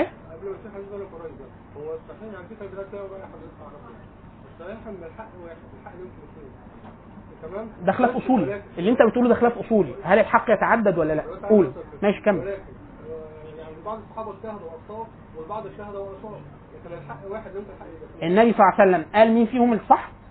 هو قال لهم كده؟ لا ما هو النبي صلى الله عليه وسلم في أشياء عرضت عليه فقال له إيه؟ قال له زادك الله حرصا لا تعد. قال له لا تقعد لأن الصحابي اللي جه النبي صلى الله عليه وسلم وهو بيصلي سمع واحد إيه؟ جه النبي وهو راكع سمع إيه؟ سمع إيه؟ دبدبة كده. فبعد النبي ما خلص صلاة قال لهم مين اللي كان بيجري؟ عد بيه آه، قال له أنا. قال له إيه؟ قال له أنا جيت لقيته راكعين. الركعة هتضيع. فعمل إيه؟ فراح ركع في أول الجامع عشان يلحق الركعه لا يرفع قبل ما يوصل للصف فراح راكع. وكمل إيه؟ كمل وهو راكع جري. يعني هو راكع قاعد راكع كده وماشي ماشي لغاية ما وصل للصف. فالنبي فالنبي ضحك قال له إيه؟ زادك الله حرصا ولا تعد. في ناس بتروي الحديث رواية ثانية بتقول إيه؟ زادك الله حرصا ولا تعدو يعني ما تجريش. يعني اعمل كده بس ما تجريش. خلاص؟ وفي ناس بتقول إيه؟ فده قال له لا لا تعد. وفي ناس النبي صلى الله عليه وسلم قال له إيه؟ كذا وعيد صلاة ال- المخطئ ال- ال- ال- المسيء صلاته قال له إيه؟ قال له ارجع فصلي فإنك لم تصلي. جزء من القواعد الأصولية العامة أن النبي صلى الله عليه وسلم لا يقر على الخطأ. لا يقر على الخطأ ولا يؤخر البيان عن وقت الحاجة. يعني لو واحد عمل قدامه حاجة وهي غلط يقول له غلط. لازم يقول له غلط. هيقول له إن أنت اجتهدت واخطأت بس غلط ما هو اجتهد بس النبي صلى الله عليه وسلم ال ال ال ال ال الراجل الجماعة اللي قالوا الراجل اللي هو مصاب ورابط على جرحه جرح خرقة وقال لهم أنا ليا اتوضى بتاع فقالوا له إيه؟ قالوا له لا لا ما ينفعش تخلعها فالنبي صلى الله عليه وسلم لما عرف قال إيه؟ فغضب وقال إيه؟ قتلوه قتلهم الله آه، إن شفاء الع- العي السؤال يعني كان يسأله لا كانوا يكفيه إن هو يغسل كل حاجة ويمسح عليها وخلاص. فالنبي صلى الله عليه وسلم يقر على الخطا فليه ده ده خطأ لا يرفع. يعني هو مش خطأ بقى خطأ ينفع. لا ده خطأ لا يرتفع. مش عذرا مش خطأ. فكرة إن هو ده رأي طريقة إحنا بنشوف بيها الأشياء. بنشوف بيها الأشياء. خلاص؟ ده بيخلي إيه؟ بيخلي الأمور فيها سعة. سعة ليه؟ الناس كلها لا تدرك الأشياء بطريقة واحدة. فلما قلت لك إن هذا هو دين الإسلام وليه فهم واحد بالطريقة دي يشق على الناس ويحصل الحرج اللي هو مرفوع عن الأمة. خلاص؟ وجاهدوا في, الله حق حق جهاده هو هو اجتباكم وما جعل عليكم في الدين من حرج. خلاص؟ وما جعل عليكم في الدين من حرج ده مرفوع. الحرج مرفوع عن الأمة بال... بما فيها الفهم. مش كده سيدنا عمر بن الخطاب؟ وده عن صحابة النبي صلى الله عليه وسلم. سيدنا عمر بن الخطاب جاله راجل في عصره هو خليفة. قال له إيه؟ قال له, فين زيد زيد بن ثابت؟ قال له هناك. قال له أنت عايزه في إيه قال له عايز أسأله مسألة في الفقه. عايز يستفتي ما هو قدام عمر. وهو الأمير يعني هو الخليفة. وعمر هو من هو في الفقه. فقال له زيد هنا. راح سأله ورجع. قال له إيه سألته في إيه؟ قال له سألته في كذا. مسألة في الفقه. قال له قال لك إيه؟ قال له قال لي كذا. قال له لو كنت أنا قلت كنت قلت كذا وكذا. مسألة ثانية هكون هيقول له مثلا هو قال له مباح أقول له حرام. فقال له طب ما يمنعك أن تحملني على رأيك وأنت الأمير. ما أنت خليفة. غصب عنك أنت وهو هتعملوا اللي أنا بقوله. فقال له إيه؟ قال له هو الرأي والرأي مشترك. يعني دي مسألة فيها إيه؟ فيها نظر. النظر كل مساحة الاجتهاد في المساحة دي. اللي هي المساحة إيه؟ اللي ينفع فيها الناس إيه تختلف. آه. الكلام فيه مفهوم وفيه منطوق. آه عشان كده ما هو ده اللي اصول الفقه كلها اتعملت عشان ده عشان ده. عشان كده المذاهب لما أقول لك انت بتدرس فقه في اصول فقه للأحناف وفي اصول فقه للجمهور والجمهور دول مش متفقين على كل القواعد الفقهية. في قاعدة فقهية مرتبطة بالحنابلة. يعني مثلا ال ال ال هنا حد درس هنا شافعي؟ آه، حد درس مالكي حنفي. خلاص؟ أي حاجة غير الح- الحنابلة. ال- أنا راجل أنا آه، آه، مسجد. اتبنى بماء- مغصوب. وأنا راجل شافعي. وتوضيت آه، بماء مغصوب. وصليت. الصلاة صحيحة ولا مش صحيحة؟ صحيحة مع مع الإثم أو الكره يعني أنا ما تعمل مع الكراهه ما تعملش كده. بس الصلاة إيه؟ صحيح. الحنابلة بيقولوا لا. الوضوء باطل والصلاة باطلة وتعيدها خلاص؟ إيه السبب؟ ده عندهم إيه؟ إنها يق- يق- يقتضي البطلان مطلقا. مطلقا. فده منها عن حاجة تقتضي البطلان. الباقي لأ. الباقي لأ. فده خلاف اصولي خلاف اصولي خلاص؟ فده خلاف في طريقة النظر. خلاص؟ غير قاطع الإسلام. إحنا كل المساحة اللي بنتكلم فيها في المساحة اللي إيه؟ اللي فيها سعه الإجماعات لأ. عشان كده يقولوا إيه؟ إجماعهم حجة قاطعة. خلافهم رحمة واسعة. يعني إحنا عندنا مسائل بعض مسائل المواريث. الفرائض دي ارقام ارباع وثلاث وخماس يعني حاجة أرقام بقى. عندنا بعض مسائل المواريث فيها ثمان أقوال عن الصحابة. عبد الله بن عباس وزيد وعلي و... ثمان أقوال في مسألة واحدة من مسائل المواريث وفيها أرقام. طب أمال المتفق عليه؟ لي مسائل المواريث. طب فين المختلف عليه؟ المسائل اللي في النص دي. دي إدراكية. ومسائل مشهورة جدا زي مسألة المساله العمرية مسألة الأم. ال- ال- ال- تلت التركة ولا تلت الباقي ونصوص القرآن وبتاع. عبد الله بن عباس وعمر. طب الاثنين؟ ده قرآن. قرآن يعني نص واضح جدا. وإيه؟ تلت. يعني كلام واضح. خلاص؟ عمر بن الخطاب قال لا تاخد تلت الباقي. فعبد الله بن عباس كان يقول أين في المصحف ثلث الباقي؟ فين دي؟ في المصحف. فبقول لا أنا ما أقولش غير إن هي تاخد إيه؟ تاخد تلت التركة كلها وبعد كده نشوف. حتى لو الأب ياخد نصها. عمر الخطاب قال لا معظم المسائل النساء لما تيجي تورث مع الرجال ويكونوا من طبقة واحدة طبقة واحدة كل المسائل حاشا الاخوه الام يبقى المفروض إيه؟ الذكر حظ الأنثيين. فأنا همشي على القاعدة العامة فهضرب القاعدة العامة فيبقى تاخد تلت الباقي عشان يبقى الأب ياخد ضعفها. هيورثها عكس عبد الله بن عباس الثاني هيخليها تاخد ضعف الأب. عمر هيخلي الأب ياخد ضعف الأم. خلاص؟ طب إيه ده؟ وده أرقام. ده خلاف اللي أنا بقول لك عليه. ده ادراكي هو عمر شايف كده. وعبد الله بن عباس شايف. طب مين فيهم الصح؟ مفيش كده مفيش كده. يعني لو رأى الرئيب ده فأمر حسن قد راه قبله رجال صريحون اللي هو عمر. ع- تدرس تدرس مذهب لو أنت المذهب أول ما بتدرس مذهب أصوله وفروعه أنت بتقول إيه؟ تصدق أنا كنت حاسس إن أنا مالكي بس اكتشفت إن أنا مالكي فعلا.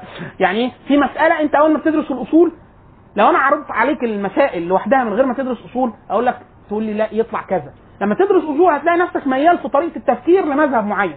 ده أقرب لطريقة اللي أنت بتشوف بيها العالم. عشان كده في ناس كتير في التاريخ يبقى شافعي.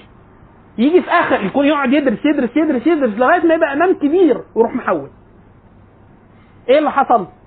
لما درس الفروع ما حصلش حاجة. لما جه درس الأصول وتعمق قال لك تصدق مش راكب على دماغي ده أنا مالكي يعني هو كان شافعي لقى الكلام. أنا مش مستحمل. راح قالب. وفي العكس. إيه السبب؟ ان هو لا عايز يتماشى مع الطريقة اللي بيقرا بيها. هاخد سؤال واحد الاستاذه اللي وراكي واكمل قولي. اسئله واسعة.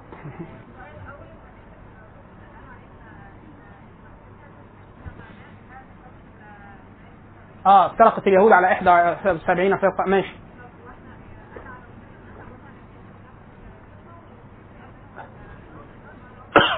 ماشي. مش داخل في معانا في ده. مش داخل معانا في ده. مش داخل معانا خالص في الخلاف ده.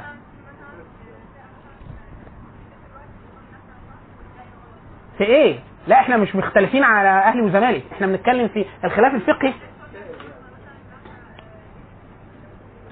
إيه؟ الشيعة مثلا. أهل السنة أهل السنة أهل السنة ده مصطلح واسع جدا. ليه دلالتين؟ ليه دلالتين؟ في دلالة تاريخية وفي دلالة اصطلاحية. الدلالة التاريخية دي دلالة مش موجودة دلوقتي اللي هو مصطلح أهل السنة والجماعة. ده مصطلح تاريخي. لما حصل الاختلاف والقتال ما بين المسلمين ثم اجتمعوا فصار الخوارج وكذا من خرج على هذا الاتفاق العام بعد عام الجماعة بتاع فكان يسمى من دخل في المجموع ودخل فيما دخل فيه الناس وكذا أهل السنة والجماعة. فهم لم يبتدعوا في الدين زي الخوارج مثلا أو كذا وعلى الجماعة السياسية. وده مصطلح تاريخي غير موجود الآن. يعني مفيش حد يقدر يقول لك إيه على فكرة إحنا داخلين في الجماعة في البيعة العامة. فين ده؟ مش موجود. ده مصطلح تاريخي. غير ملوش مصادق في الواقع. حاليا يعني لو واحد قال إحنا أهل السنة والجماعة بالمعنى ده مش موجود. في حد تاني بيقول مع أهل السنة والجماعة بالمعنى اللي هو إيه إن إحنا الطائفة الناجية والطائفة المنصورة. اللي يقصد بها حديث النبي صلى الله عليه وسلم. الطائفه اللي هو لا تزال طائفة من أمتي. على الحق. لا يضرهم من خذلتهم من خذلهم ولا منهم. ده يدعيه كثير من الناس. ادعاءات إما فقهية أو عقدية. ويكثر في العقدي. خلاص. اللي علي- اللي عليه جاء عامة الناس. يعني عامة الناس ال- العلماء المنتسبين لأهل السنة في الم... يدخل في أهل السنة. مين أهل السنة؟ عامة عامة المتبعين للمذاهب الأربعة المشهورة مذاهب العلماء. خلاص؟ الفقهية. وعامة المتكلمين المنتسبين لمذاهب العقدية بتاعت أهل السنة. وعامة المتصوفة الداخلة في التصوف السني. خلاص؟ وعامة عوام الناس الذي لا ينتسب لمذهب. كل ده داخل في أهل السنة. خلاص؟ المعنى الواسع لأهل السنة. لا. إيه؟ لا هو المص- المصطلح ليه ليه يعني بيدخل أشياء ويخرج أشياء. يعني أنا لما أقول لك إيه إحنا أهل السنة دول المذاهب كذا كذا كذا ليه؟ أنا بخ- بخرج مذاهب. بخرج مذاهب فقهية. ليه؟ يعني في واحد مثلا بيقول لي والله أنا إمامي في الفقه. فالإمامي ده بياخد منين؟ أصول الفقه عندك يعني بتستمد منين من الكتاب و مفيش سنة. السنة تقريبا شبه مش موجودة. خلاص؟ فأنا بقول ده مخالف لأصل. يعني أنا بقول له الأحاديث التي يرويها عامة الناس عن عامة الناس منذ الصدر الأول. إيه موقفكم منها؟ فبيقول لي لا والله معظم الأحاديث اللي عندكم دي باطلة. فأنا بقول له إيه؟ أنا مش قلت لك برضه؟ يعني دي إحنا عندنا دي السنة. دي السنة. فده أخرج نفسه وإن كان طائفه فقهية. يعني زي ال- ال- الشيعة الإمامية المعاصرين بالذات. خلاص؟ فتلاقي أصول الفقه جاي من حتة ثانية خالص. الزيود العباضيه في جزء كبير جدا في من أصول الفقه في الاستدلال بالسنة نفسها عنده مشكلة في إثبات السنة آه، في إثبات السنة. إيه السنة؟ الحديث ده روي عن النبي صلى الله عليه وسلم ولا لا؟ فإحنا مختلفين عنده عنه في طرق الاست... يعني من أول الصحابي ده صحابي ولا مش صحابي؟ عدل ولا مش عدل؟ صادق يكذب عن النبي ولا فإحنا عندنا اختلاف في ده. عشان كده إحنا بنقول ده أخرج من ده وإن كان فقه واعتقاد إحنا بنقول عامة أهل السنة المنتسبين أهل الحديث أو الحنابلة أو الاشاعرة أو الماتريدية دول داخلين في جملة أهل السنة بالمجموع كده. كله. طيب مين تاني؟ عندنا قدرية عندنا مرجئة عندنا معطلة عندنا جهمية عندنا كل ده داخل معانا ولا مش داخل؟ فاحنا بنقول مش داخل. بالمعنى العام. لكن هو لو خرج هيحصل إيه؟ هيبقى مبتدع. خلاص؟ لو خرج قوي هيبقى مرتد ده حاجة تانية ده هيبقى ملة تانية بقى. لكن حتى لو هو يعني في حتى حديث اللي هو الاختلاف ده إن هو فرق النارية فرق النارية مش من أهل النار. يعني مستوجب للعذاب لأنه مخالف لش... إما لجزئيات كثيرة يعني تشكل أصل إما لأصل من أصول السنة إما أصل اعتقادي أو موقفه يعني موقفه من الصحابة موقفه من القدر موقفه من الاستدلال بالسنة من الأحاديث موقف أشياء معينة خلاص؟ فهي دي الفكرة لكن هي مش يعني اللي حصل في السعودية حصل زيه في حاجة ثانية يعني أنت لو رحت عمان هتحس بنفس الإحساس هم إباضية. فانت هتحس بحاجة مختلفة. هم الناس بتعمل حاجة غريبة بس انت مش هتحس إيه. خلاص هم مذهب ثاني في الفقه وفي الاعتقاد. في أشياء يتوافقوا فيها مع جمهور أهل السنة وفي أشياء يختلفوا فيها لو انت شفت زيوت في اليمن هات البتاع اللي جريت دي. آه، الزيدية في اليمن. قدر كبير جدا من الفقه الزيدي فيه تشابه مع أهل السنة. وفي قدر كبير جدا مختلف. فاحنا بنقول لا هم مختلفين معانا في في قدر كبير من إثبات السنة وإثبات طريقة الاستدلال وبتاع. خلاص؟ بوز. لحظة. وقفوا أسئلة. أشرب شطتين اكلت سمك والسمك ليه تفاعل كيميائي مع الإيه؟ مع السوائل. اول ما تديله سائل. هو إيه؟ مش راضي يعترف. آه مش راضي يعترف إن أنا بدوس على الزرار ليه. طيب. هرجع لكم تاني الأسئلة بس نمشي شوية.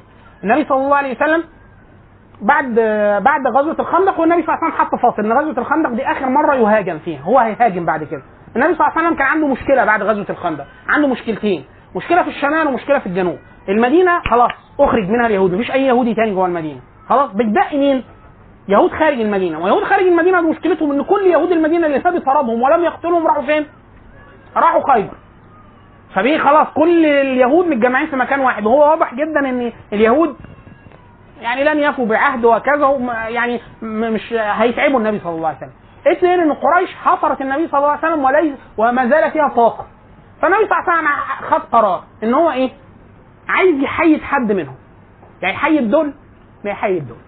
فالنبي خد قرار ساعتها بإيه؟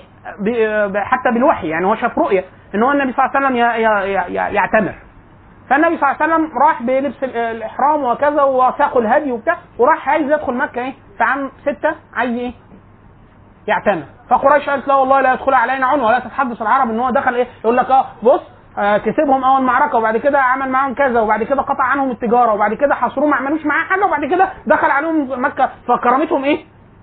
هتتبعتر. فقالوا له لا لا والله لا تدخل علينا. المهم الوضع استقر على أنهم است... صلح الحديبية. صلح الحديبية أن هو النبي صلى الله عليه وسلم يعود عنهم هذا العام لا يعتمر يعتمر من عام القابل. من. من كفر من أتباع النبي صلى الله عليه وسلم لو واحد كان آمن بالنبي وارتد النبي يلتزم إن هو يرجعه للقرشيين. ولو واحد قرشي. آه، أسلم وراح للنبي النبي ملتزم إن هو يسلمه للقرشيين. خلاص؟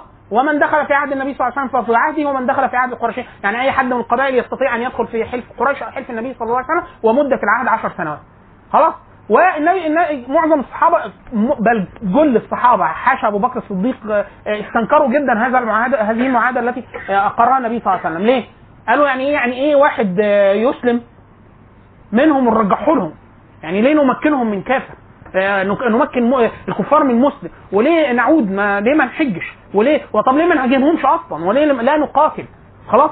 وكان النبي صلى الله عليه وسلم حديث كلام أبو بكر الصديق إن عمر بن الخطاب ارتأى هذا الرأي برضه. عمر بن الخطاب كان من معظم الصحابة اللي ارتأت إن هذه المعاهدة. يعني فيها قدر كبير جدا من إيه؟ من التنازل الشريف من ناحيه من ناحيه, من ناحية المسلمين. فراح لسيدنا أبو بكر الصديق قال له ألسنا على الحق؟ قال نعم. قال أليس على الباطل؟ قال نعم. قال أليس هو رسول الله؟ قال نعم. قال فعلنا نعطي الدنيه في ديننا. طب إحنا ليه نعمل كده؟ وليه نسلمه؟ وليه نوا- نوافق على هذه الشروط؟ والشروط الشروط شديدة جدا في حال المسلمين وبتاع.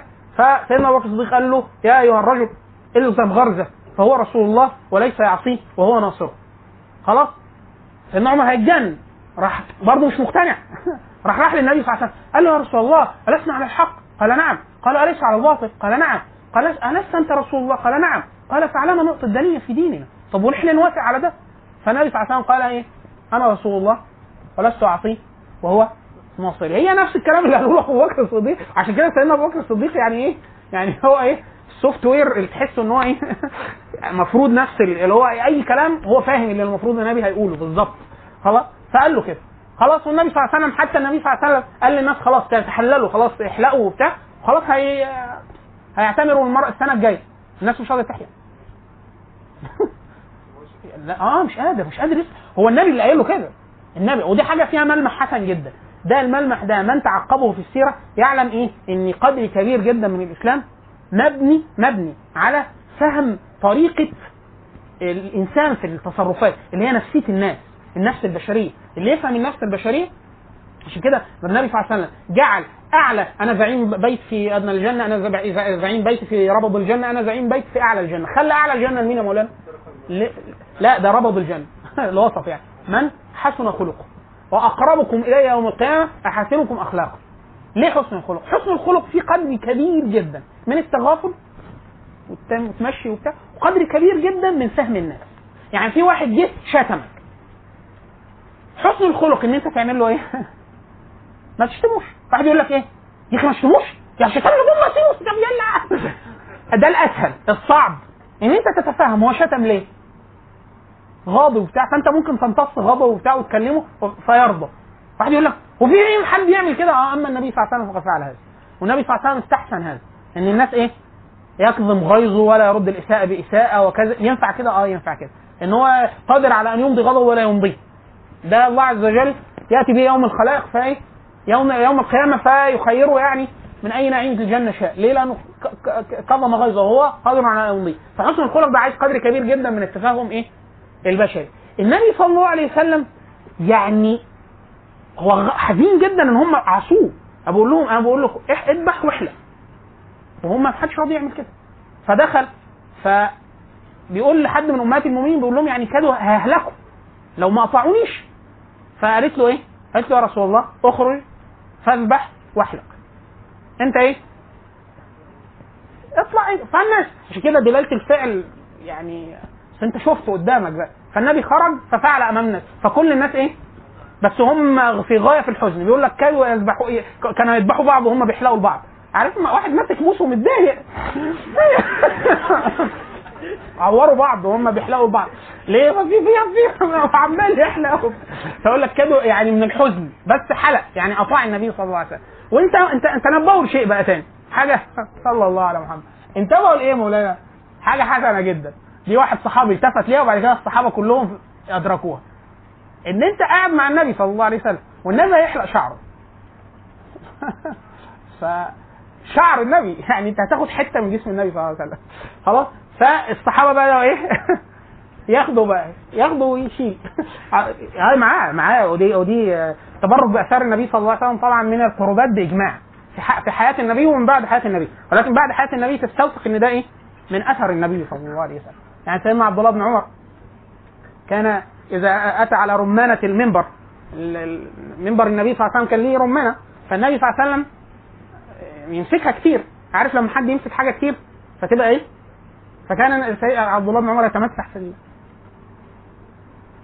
في رمانة المسجد. فشاهد إن الصحابة اكتشفوا هذه فكثير من الصحابة اقتنى شعيرات من شعر النبي صلى الله عليه وسلم ومنهم سيدنا خالد بن الوليد. مشهور جدا في أحد المعارك إن سيدنا خالد بن الوليد بعد المعركة تعب الناس معاه. قال لهم القلنسوه بتاعتي واقعة هاتوها لي. فالناس تكلمت في خالد يعني قالوا إيه؟ من مشور الجيش كله عشان إيه؟ العمامه بتاعته وقعت. بس هو بيقول لهم تجيبوها يعني تجيبوها. فلما جابوها هو برضه من الذكاء أدرك إيه؟ إن الناس يعني إيه إيه بقى إيه الحركات؟ ما تجيب قلنسوه غيرها نجمع لك ونجيب لك واحدة غيرها بدل ف- فقال يعني يعني لا تجد عليه فكان, فيها شع- شعرات من رأس الرس- الرسول صلى الله عليه وسلم. هو خد برضه إيه؟ شوية شعر حاططهم معاه فإيه؟ لا يدوروا عليه. أنا لو مكانه مشوارهم برضه. خلاص. صلى الله على محمد. الشاهد النبي صلى الله عليه وسلم بعد صلح الحديبية كان إيه إيه وقع له نصف ما أراد إن هو إيه؟ حيد حد يا اليهود يا المسلمين. فلما حيد فلما حيد الق- آه، القرشيين حيد قريش عاد مباشرة مباشرة بعد صلح الحديبية فحاصر خيبر. ضرب عليهم الحصار حتى أجلاهم. طبعا هم نزلوا على الشرط يعني هم إيه؟ يحاربوا ما يحاربوش يحاربوا ما يحاربوش. قال لك لا هنضرب. فقالوا إيه؟ ننزل إيه؟ إن هم ياخدوا قدر قليل من المال مش ياخدوا كل حاجة وبتاع مش عارف إيه ويؤمنهم النبي صلى الله عليه وسلم على أنفسهم ثم إيه؟ أخرجهم. وفي مناطق تانية تسامعوا بالنبي صلى الله عليه وسلم فنزلوا صلحا النبي صلى الله عليه وسلم أبقاهم على الشرط في من تبقى بعض اليهود ظلوا لغاية خلافه عمر ثم أجلاهم عمر عن الجزيرة. النبي صلى الله عليه وسلم قال إيه؟ يعني أخرجوا المشركين من جزيرة العرب أخرجوا اليهود والنصارى من جزيرة العرب. فكان عمر بن الخطاب جعلهم على الشرط فلما قتل رجل المسلمين في عهد عمر بن الخطاب في ناحية اليهود قال لا يعني آه، لا يؤتمن على دماء المسلمين فأراد أن يخرجهم فقالوا له يعني بل عاهدنا أبو أبو القاسم يقصدون النبي صلى الله عليه وسلم فقال بل جعلكم على الشرط فقالوا إنما كان مازحا إنما كان أبو. يعني كان النبي بيهزر معانا. فقال والله لولا العهد قتلتكم على اللي قالوه يعني وأخرجهم. في عهد عمر بن الخطاب. لكن النبي صلى الله عليه وسلم يعني إيه تم له إن هو حصر الخيبريين واخرجهم وطبعا خد منهم سلاح ضخم جدا خد منهم غنم منهم آه، آه، نخل وزراعة وكذا وخد منهم أسلحة. النبي صلى الله عليه وسلم خد من جنيق وخد دبابة اللي بيهد بيها الحصون. إن الرجالة تنزل تحتها تكبش عليهم زيت محدش يضرب عليهم آه، مش يضرب عليهم نار فحم يضرب بيهم سهم مفيش من تحتهم وليها أشياء تحرك كده فتهدم بيها الحصون في القديم. اسمها دبابة. بهذا الاسم في السير خلاص؟ فاخدها من من خيبر بعد عام ستة. ظل من عام ستة. هو طبعا إحنا المفروض الوثيقة تخلص 16 16 هجري. 10 سنوات 10 سنوات العهد كان 10 سنوات. إيه اللي حصل؟ إنه قريش أحد أحد أحد أحلاف قريش أغاروا على أحد أحلاف النبي صلى الله عليه وسلم بعد عامين. بعد عامين بس. نقضوا هذا العهد. فالنبي صلى الله عليه وسلم كان طبعا بعد عام ستة النبي صلى الله عليه وسلم خلص حيد ال- اليهود آه، أمن قريش. رسل ال- بدأ يراسل ال- الملوك. خلاص لأن النبي صلى الله عليه وسلم كده خلاص الم- المفروض الخطوة الجاية إن هو العالم كله يجب أن يعلم بإيه؟ وبدأت تتسامع الناس بالنبي صلى الله عليه وسلم وبدأ كثير من الوفود تفد عن النبي صلى الله عليه وسلم قبائل. من عام ستة خلاص لأن النبي صلى الله عليه وسلم إيه؟ واضح إن هو في الميزان في الميزان كده لا ده عدد قريش وقريش كانت يعني أعلى حاجة في العرب. ولها الوظائف على البيت وكذا فالنبي صلى الله عليه وسلم يعني إيه تمكن آه إن هو يصنع آه يعني وكأنها إيه آه سمعة داخل الجزيرة كلها إن هو إيه ادخلوا في عهد محمد. واضح إن هو قوة تستحق الإيه الانتباه. فكثير من الناس دخلوا في النبي صلى الله عليه وسلم اللي دخل في العامين بتوع صلح الحديبية من 6 ل 8 أكثر مما دخل في الإسلام منذ بعثة النبي صلى الله عليه وسلم. حتى من رب العزة سمى صلح الحديبية فتح. ففتحنا لك فتحا مبينا. طيب ليه ليه فتح؟ لأنه هو الفتح ده فتح عفيف عشان كده ده إحنا نقول الاشياء في الإسلام بتقيم باهميتها بالنسبة للدين. واحد يقول لك إيه سيدنا عمر الخطاب ارتقاها شيء من الكرامة وبتاع مش عارف إيه. لكن في الدين إيه إن هو إيه كانت وسيلة كبيرة لدخول الناس في الإسلام. ثم أن النبي صلى الله عليه وسلم حتى الشروط المجحفه آه، في رأي الصحابة اللي رأوها إن هو واحد مسلم لو آه، أسلم من قرى يروح للنبي صلى الله عليه وسلم يسلمه يسلمه. هم حصل مرة فالنبي صلى الله عليه وسلم سلمه. خلاص. جه سيدنا أبو بصير. سيدنا أبو جندل هرب ابن سهيل بن عمرو اللي هو كان النبي صلى الله عليه وسلم عايز يدخله في في الصلح ما أبو جندل. أبوه قال له لا والله ما أنا هاخدش الصلح. تسلمني الولد. قال له طب إحنا لسه ما كتبناش المعاهدة. فده خارج المعاهدة قال له لا أول واحد يخش المعاهدة ده وتسلمه لي فادهوه. فسيدنا أبو جندل يقول يعني تتركوني يف- يفتنون في ديني. فقال النبي صلى الله عليه وسلم إن الله جاعل لك مخرجا. وقد فعل. يعني سيدنا أبو جندل هرب منهم بعد كده. هرب ما يقدرش يروح للنبي لأنه لو راح للنبي النبي هيسلمه بالمعاهدة. فايه قاعد على سيف البحر قاعد لهم على البحر. أي قافله معدية يقتلهم وياخد ال- أي واحد يهرب قال لك لا ما أنت لو رحت النبي هيسلمك. سيدنا أبو بصير هرب. راح للنبي فالنبي قال له لازم أسلمك. فرجعوا مع اثنين من الكفار قالوا له سلموا. الله سلموا. سيدنا أبو بصير كان يعني زي ما النبي قال يعني بلطجي نسعى يعني الراجل ده سيبه هيولع حرب لوحده كده. فهو راجع هو من نفس القبيلة. ويعني بتاع فقال لهم انت حلو قوي السيف اللي معاك. مرهوني كده. فروا له خدوا راح قتله وقتل التاني معاه ورجع للنبي. النبي أول ما شافه قتلهم ورجع له تاني. طب أعمل إيه ده؟ يعني قال له إن يعني بينه وبين القوم يعني عهد وكذا. لو قعد معاه يسلمه فسيدنا ابو بصير قال له خلاص أنا فهمت. وراح راح لأبو جندل. سيدنا على البحر. كل كل واحد قال لك إيه ده؟ ولو إحنا رحنا هنتسلم؟ آه في حد قاعد؟ قال الجماعه بيعملوا مشاغبات هناك على البحر. راحوا قعدوا اتجمعوا لغاية ما كتار جدا. كل قافلة راحة جاية آه، القرشيين يقولوا له إيه؟ يقول لهم دول بره المعاهدة. قالوا له لا خلاص. الغي الشرط ده من المعاهدة؟ وأي حد يسلم يخش في عهدك عشان أنت تلمهم. بس هو بيقولوا للنبي فالنبي يقول له أنا ماليش سلطة عليك. دخله جوه المعسكر يقول له لا ما أقدرش خلاص خليه يعني ما هو انت يعني إيه مش انت انت مش عايزه بره المعاهده خلاص. قال لك طب هو جالك؟ لا ما جاليش. لو جالي هسلمه لك. أنا مش سلمته لك قبل كده سلمته خلاص خلوه. فهم لغاية ما الراجل سيدنا ابو سفيان راح له كان ما زال على الكفر قال له إيه؟ إحنا هنرجع في الشرط ده. اللي يسلم من عندنا ويروح لك خليه. خليه ما يمشيش مش عايزينه لا عايزينه يرجع. لأنه خلاص كده جميع يدخل في إيه؟ في عهد النبي صلى الله عليه وسلم فيدخل في سلطة النبي والنبي لا يغدر. النبي قايل لهم خلاص خلاص.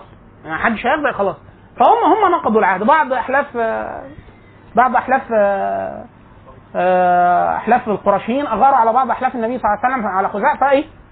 فاستغاروا بالنبي صلى الله عليه وسلم فالنبي صلى الله عليه وسلم قال له إيه؟ قال نصرت قال له أنا فالنبي صلى الله عليه وسلم ورع على الناس يعني ما قالش إن هو هيخرج هيروح فين. كان عادة النبي صلى الله عليه وسلم في القتال إن هو إيه؟ يطلع ولا يخبر أحد. إن هو مش رايحين فين يعني الجيش ماشي مش عارفين رايح فين وبعد ما يوصل لحته يروح عامل انحراف ويروح لحق حتة ثانية ليه؟ لو حد حاطط جواسيس أو عيون أو بتاع يقول لك الجيش طالع ناحية الشمال يبقى رايح فين؟ الشام. تلاقيه لف وراح رايح لهم حتة ثانية خلاص؟ أو لما كان يسير سريه يديله كتاب مقفول ويقول له إيه؟ لا تفض إلا بعد مسيره يوم. تمشي يوم من ناحية كذا. وبعد ما تروح تفتح وتشوف النص اللي موجود تعمله. فبعد أحيانا النص يقول له إيه لف وروح اعمل كذا. لكن إيه بحيث ما حدش يفهم هو راح فين. خلاص؟ فوقع حادث من الاحاديث المهمه جدا في السيرة برضه محوريه سيدنا حاطب بن ملتعه حاطب بن ملتعه بدري شهد بدر. والنبي صلى الله عليه وسلم يعني فضل بدر معلوم من من مع- معلوم بالضرورة من الإسلام أهل بدر يعني اللي شهدوا بدر. فالنبي صلى الله عليه وسلم جاءه جبريل عليه السلام فقال له إيه؟ في ضعينة. جمل يحمل آه، امرأة في الحتة الفلانية لو في فرسان يعني من عندك طلعوا هيلاقوها في الحتة الفلانية معاها رسالة باعتها واحد من أصحابك بيقول للقرشيين إن النبي عزم على غزو مكة. فكده عنصر المفاجأة هيضيع بل ده ممكن يعملوا فخ للنبي صلى الله عليه وسلم. فالنبي صلى الله عليه وسلم أمر سيدنا خالد وسيدنا علي وقال لهم إيه؟ في ضعينة في المكان الفلاني تروحوا تجيبوها. تجيبوا منها ال... فرحوا لقوا ست ست ومعاها عدة السفر ومشي. قالوا لها هات الرسالة اللي معاك. قالت لهم معيش حاجة. قال لها تجيبي الرسالة ولا نفض الثياب أنا قلعت هدومك ناخد ال... فقالوا قالت لهم لا استنوا. طلعت حطها ما بين ضفايرها. إحنا دايما نقول الحديث ده مهم جدا لمنع الدروشة في الإسلام. سيدنا سيدنا علي أو سيد ده واحد يقول لك وينفع يقولوا لها كده؟ لا يخلوا الجيش كله يموت. واحد واحد يقول لك إيه؟ طب ومش مش عيب؟ لا ما هو يعني ده يعني في في قضايا مش محتاجة إيه؟ في قدر يعني هو قتال أصلا. خلاص؟ في واحد يقول لك بس يكون بشرف وبتاع آه بشرف لكن إيه؟ له استثناءات. فقالوا لها هتجيبيها؟ لا قالت لهم لا جيبي خد الرسالة طلعتها لها خدوها وادوها للنبي فالنبي صلى الله عليه وسلم فضاه وجاب حد قال له اقرأ الرسالة. فقرأ من حاطب بن ملتعة عليه ناس من قريش يخبرهم بأن النبي صلى الله عليه وسلم قد عزم على غزو مكة. فالنبي بعت واحد قال له تجيب حاطب بن ملتعة. فجه سيدنا حاطب بن ملتعة للنبي صلى الله عليه وسلم. فالنبي صلى الله عليه وسلم أول ما جاب الرسالة قال له ما هذا يا حاطب؟ إيه ده؟ بصوا هو ده اللي حصل. يعني مش اللي هو مسكوه ضربوه نفخوه عذبوه. لا إيه ده؟ فقالوا ما هذا حاضر؟ قال يا رسول الله والله يعني إيه؟ ما كفرت بعد إسلامي. أنا ما أنا على العهد ومسلم ومؤمن كل حاجة. ولكن أنا علمت أنك تغزو مكه خلاص إن المسلمين عرفوا. وأنك منصور. ربنا هينصرك هينصرك. أنت ظاهر عليهم وأنا ليا أهل هناك أسرتي. فأنا خايف إن هم ينكلوا بكل أسر الناس اللي معاك. أما فلان وفلان وسمى ناس من كبار الصحابة فلهم قوم يمنعونهم يعني من بيوت قويه وكذا. فكل واحد يمنع أهله هناك. وأنا خايف على أهلي فأنا عارف إن كلامي ده لن يضرك في شيء. وإن الله نصرك. ويعني إيه؟ يكون ليا ليا عليهم يد. أنا كده عملت فيهم جميلة ومعروف فلو هيأذي حد ما يقولوش ما يأذوش أهلي. فالنبي صلى الله عليه وسلم قال له صدقت يعني أنت صادق في اللي أنت قلته. سيدنا عمر بن الخطاب قال له إيه؟ قال له يا رسول الله دعني أضرب عنق هذا المنافق. يعني عشان عشان العملة اللي عاملها فالنبي قال له وما أدراك يا عمر؟ والحديث ده حديث عمدة في فضل أهل بدر. قال وما أدراك يا عمر؟ لعل الله اطلع على أهل بدر. فقال فعلوا ال بدر ما شئتم فإني قد غفرت لكم. وده ده الحديث ده عمدة في الخناقة الحالية مع المعاصرين في التكفير. تكفير المسلم بالأفعال والأقوال. ففي واحد بيقول أي ولاء لكافر أو أي إعانة لكافر تكفر. وده مش صحيح. وده مش صحيح الإعانة لسبب نفسي إما الخوف الشديد أو الطمع في مكسب مادي أو بتاع مش عارف إيه. أه هي كبيرة من الكبائر. أه هي شيء عظيم جدا اسم شديد جدا لكن ليست مكافأة وإلا النبي صلى الله عليه وسلم لم يكن يقو- ليقول طلع على فقال فعلوا أهل بدر ما شئتم فقد غفرت لكم. الله عز وجل لا يغفر الشرك ولا يغفر الكفر الأكبر. يعني واحد كفر بالله, بالله ولم يأمر بأن يسلم ولم يأمر بأن يقول لا إله إلا محمد رسول من جديد. خلاص؟ فالحديث ده عمده وليه في كلام للامام الشافعي كلام آه، عالي جدا في, هذا النص انه ان ان ده من الكبائر وليس من المكفرات خلاص في واحد في ناس بتخلط ما بين احكام القتل واحكام التكفير يعني في واحد يقول لك يعني لو واحد مسلم وجاسوس ومش عارف عمل إيه وبتاع يبقى ما ده ما يبقاش كافر إحنا بنقول له لا مش لازم يكفر في كل الأحوال يختبر ويتسأل ويتعرف هو عمل كده ليه. ممكن يكون طمع في الدنيا. آه، جابوا بذلوا له مال ضخم جدا. هو معاه آه، يعني احتياج من احتياجات واحد يقول لك وده ينفع كبيره يا أخي من الكبائر. لكن غير مكفر يقول لك طب يعني ما ينفعش نقتله؟ لا تنفع تقتله بس ما تكفروش. القتل غير التكفير. القتل الحكم الجاسوس إن هو أعان وكذا فدي ده آه، تعذير أو كده. آه دي قتل مصلحة. مش يعني دي مصلحة شرعية مصلحة المسلمين ولا يدخل في التكفير. يعني مش كل مش شرط إن المسلم يقاتل واحد مسلم إن هو بيكفره. ممكن يقتله للدفع. زي البلطجي. واحد بلطجي طلع عليك بموس. قال لك قلب نفسك. خلاص؟ آه، نصب نفسك. فالبلطجي ده مسلم. فيقول لك إيه؟ مسلم. والنبي قال صلى الله عليه وسلم إذا التقى المسلم ال- المسلمان بسيفيهما فالقاتل المقتول في النار. ده مش معانا. الحديث ده مولانا. في ده في ده. ده يتعمل في إيه؟ الفقهاء يقولوا إيه؟ يقولوا يندفع بما يندفع يدفع بما يندفع به. يعني الأول تشتمه، تشتمه بأمه بتاع يعني حاجة يعني تفحش له القول، تشتمه شتيمة كده يعرف إن أنت مش أهل. طيب هم يقولوا كده يدفع بالسب، الأول تسبه. لو خاف ومشي كان به شتمته راح سابب لك الدين وشتمك وواضح إن هو إيه مش مش هيتأثر خلاص تضربه تجيب طوبة في وشه بتاع مية نار كلور مش. خلاص طيب ضربته ولم يندفع تقدر تقتله؟ اقتله. واحد يقول لك طب الترتيب الفقهي ده على الترتيب يقول لك آه على الترتيب أو التجارة. يقول لك طب لو أعصابي مش مستحملة اقتله على طول ولا ولا حرج. خلاص؟ ولا أنا بقوله يعني أنا بقوله بمزاح بس هو ده الترتيب الفقهي فعلا. فقطع الطريق ده ده مسلم مسلم. طب أنت هتقتله ليه؟ لأنه هو ده مهاجر يعني كافر؟ لا مش كافر. هو ده مهاجر بس. هو هو هو هيقتلك. خلاص؟ فالنبي صلى الله عليه وسلم قال- من آه، قال له يا رسول الله أرأيت إن خرج علي رجل؟ فأراد مالي فإن ق- إن قتلني قال أنت في الجنة قال فإن قتلت قال أنت آه، إن قتلني قال هو في النار إن آه، إن قتلت قال هو في النار قال إن قتلني قال أنت أنت في الجنة. كلامه إيه؟ لكن مش متعلق بالت... فده مش دايما حكم التكفير متعلق بالذات في أحكام قتال البغي. في رسالة دكتوراه ممتازة جدا كانت معمولة في دار النوادر اسمه قتال الفتنة بين المسلمين. أحكام قتال الفتنة بين المسلمين. ممتازة ممتازة. كانت دكتوراه محكمة وفيها مشايخ كويسين قوي اللي محكمينها كانوا في, سوريا. قتال الفتنة بين المسلمين. الولاء والبراء دي الاحكام الولاء والبراء اللي هو موالاة الكفار. موالاتهم في إيه؟ ما هي دي الفكرة في إيه؟ موالاتهم في إيه؟ ممكن واحد يقاتل مع كفار يقاتل معاهم ضد مسلمين. فواحد يقول لك إيه؟ آه دي موالاة. خلاص أنهي نوع من الموالاة؟ مكفرة ولا مكفرة؟ على حسب الحال. طب يبيح تبوح قتله؟ آه من غير ما نكفره. اقتله عادي. يعني إحنا هنا مشكلتنا في إيه؟ في التكفير. لأن القتل ده أنا بقول لك واحد هيطلع يقتلك. خلاص ده حاجة نفس كده كده هتدفعه. التكفير هو المشكلة. ليه؟ لأن التكفير ده حكم حق لله عز وجل. ما ينفعش تنزله ممكن واحد ممكن الولاء ممكن الولاء ما أنا عشان كده بقول لك إيه؟ إن هو قسمين. في ولاء يوجب القتال. يعني هو موالي الكافر. موالي الكافر على مسلم. كل ولاء مكفر. إحنا بنقول مش كل ولاء مكفر.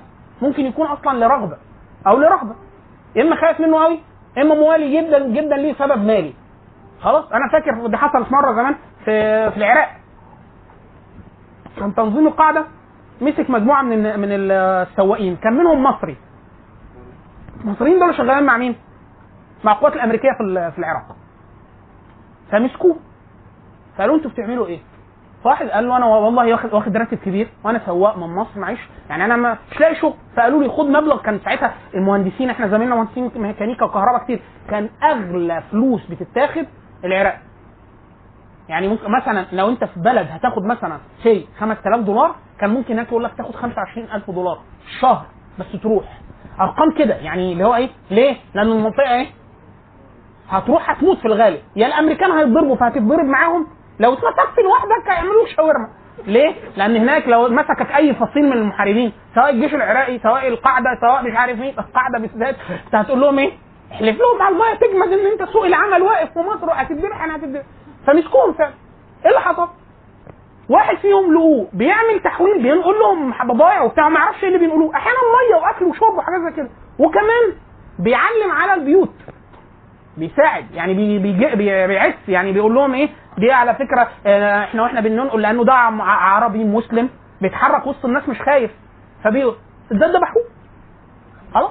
المصري الثاني اللي هو كان ده قالوا أنت بتعمل إيه؟ قال لهم والله أنا ظروفي كذا واسمي كذا واسألوا اتصلوا بمصر بفلان وبتاع مش عارف إيه وأنا شغال أنا ما أعرفش إحنا بيقولوا لنا في شغل في العراق أنا بوصل مواد غذائية من الحتة الفلانية للحتة الفلانية من الحتة الفلانية للحتة الفلانية بس ففهموا قالوا له يا ابني الناس أنت مش مسلم آه بتصلي آه بتصوم آه قالوا له إحنا أنت دلوقتي في كذا ودول كفار مفتاحين ديار مسلمين بيعملوا واحد اثنين ثلاثة أربعة فأنت كده بتعينهم وبتساعدهم وبتاع. لو أنت ليك فلوس إحنا ممكن نديك فلوس ونرحلك بلدك. بس ما تعملش كده ثاني لأن لو مسكناك هنقتلك. لأن أنت بتعين على المسلمين كده. وبتاع. وفهموه وجابوه طلع في البيت بيتك. والواقع مشهور أيام حسني مبارك لو حد من الشباب هنا حضر وكان وكان واقع اتفصلت بسببها المذيعة. لأنه قال كلام زي الطين. قال كلام كويس جدا في حق التنظيم.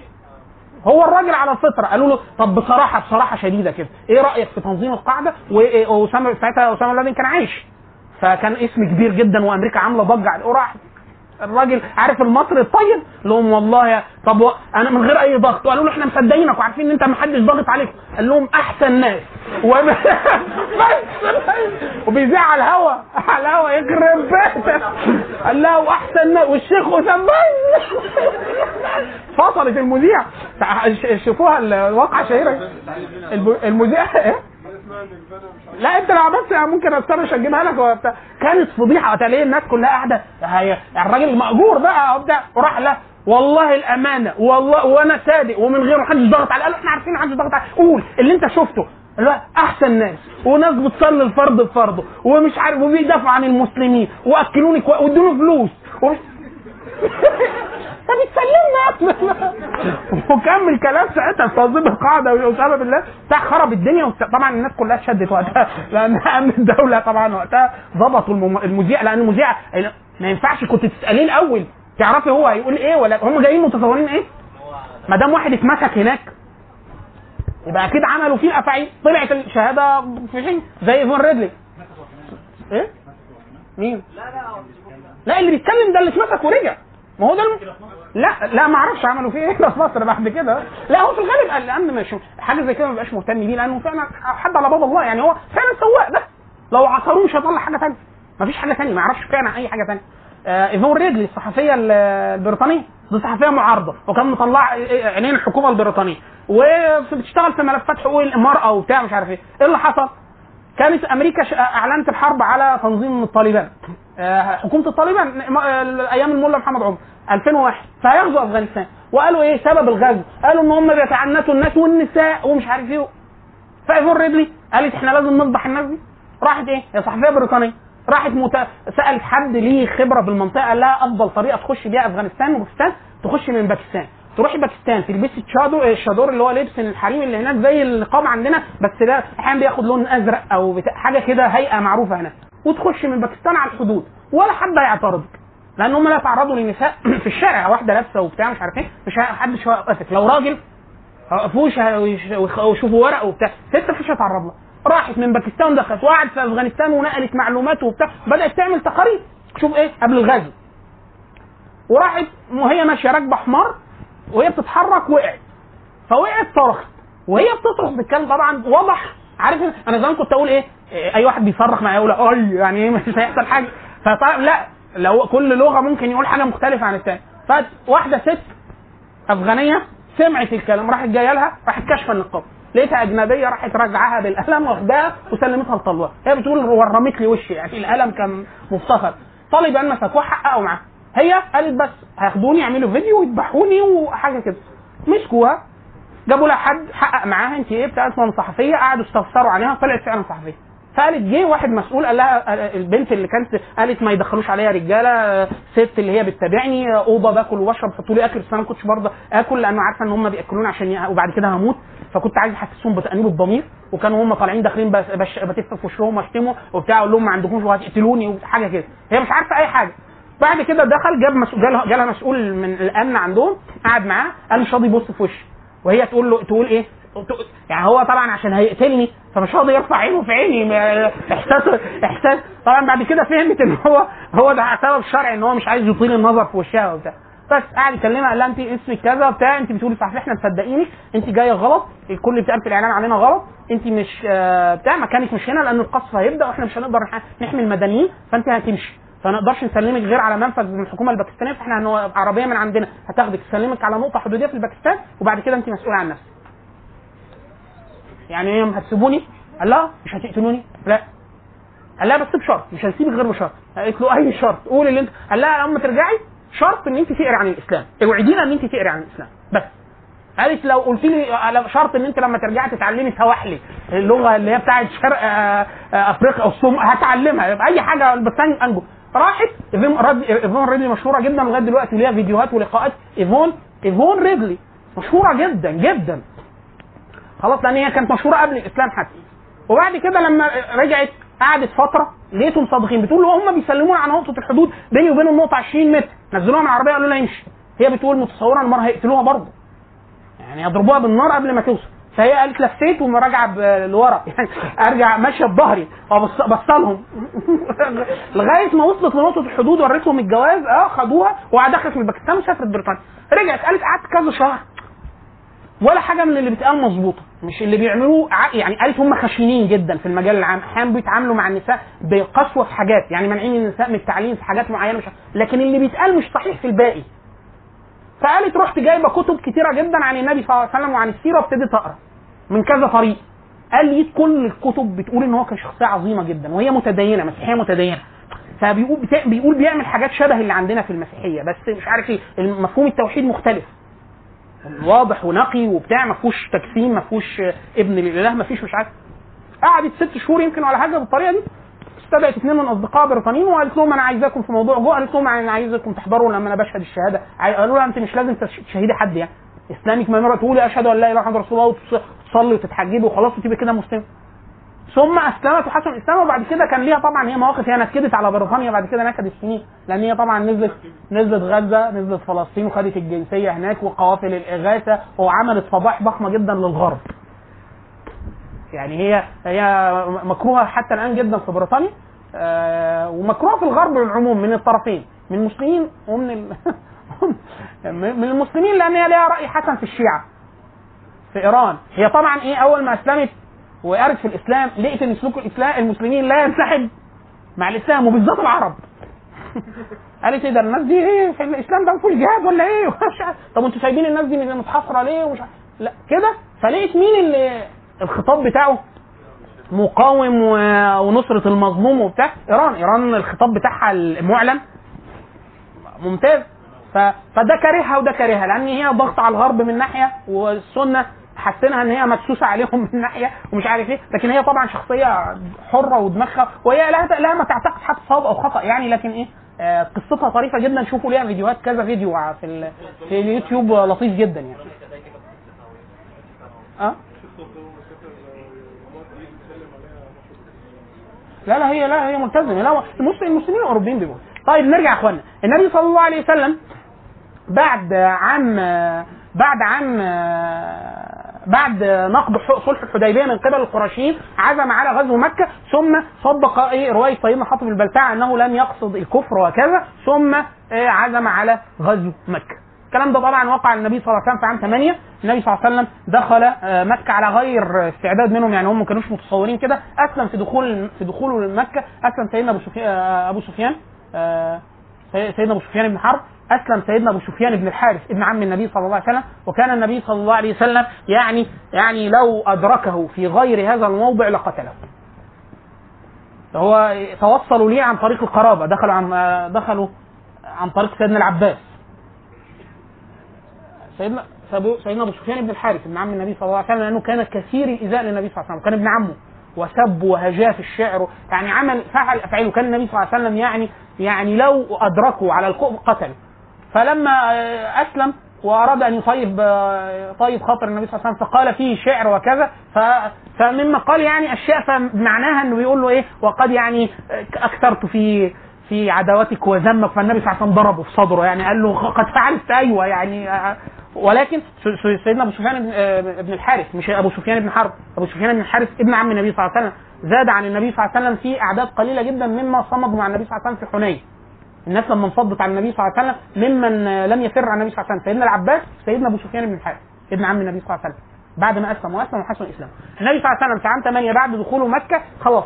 كده تسمعت العرب جميعا أن النبي صلى الله عليه وسلم ظهر على قريش ودخل مكة وهدم الأصنام.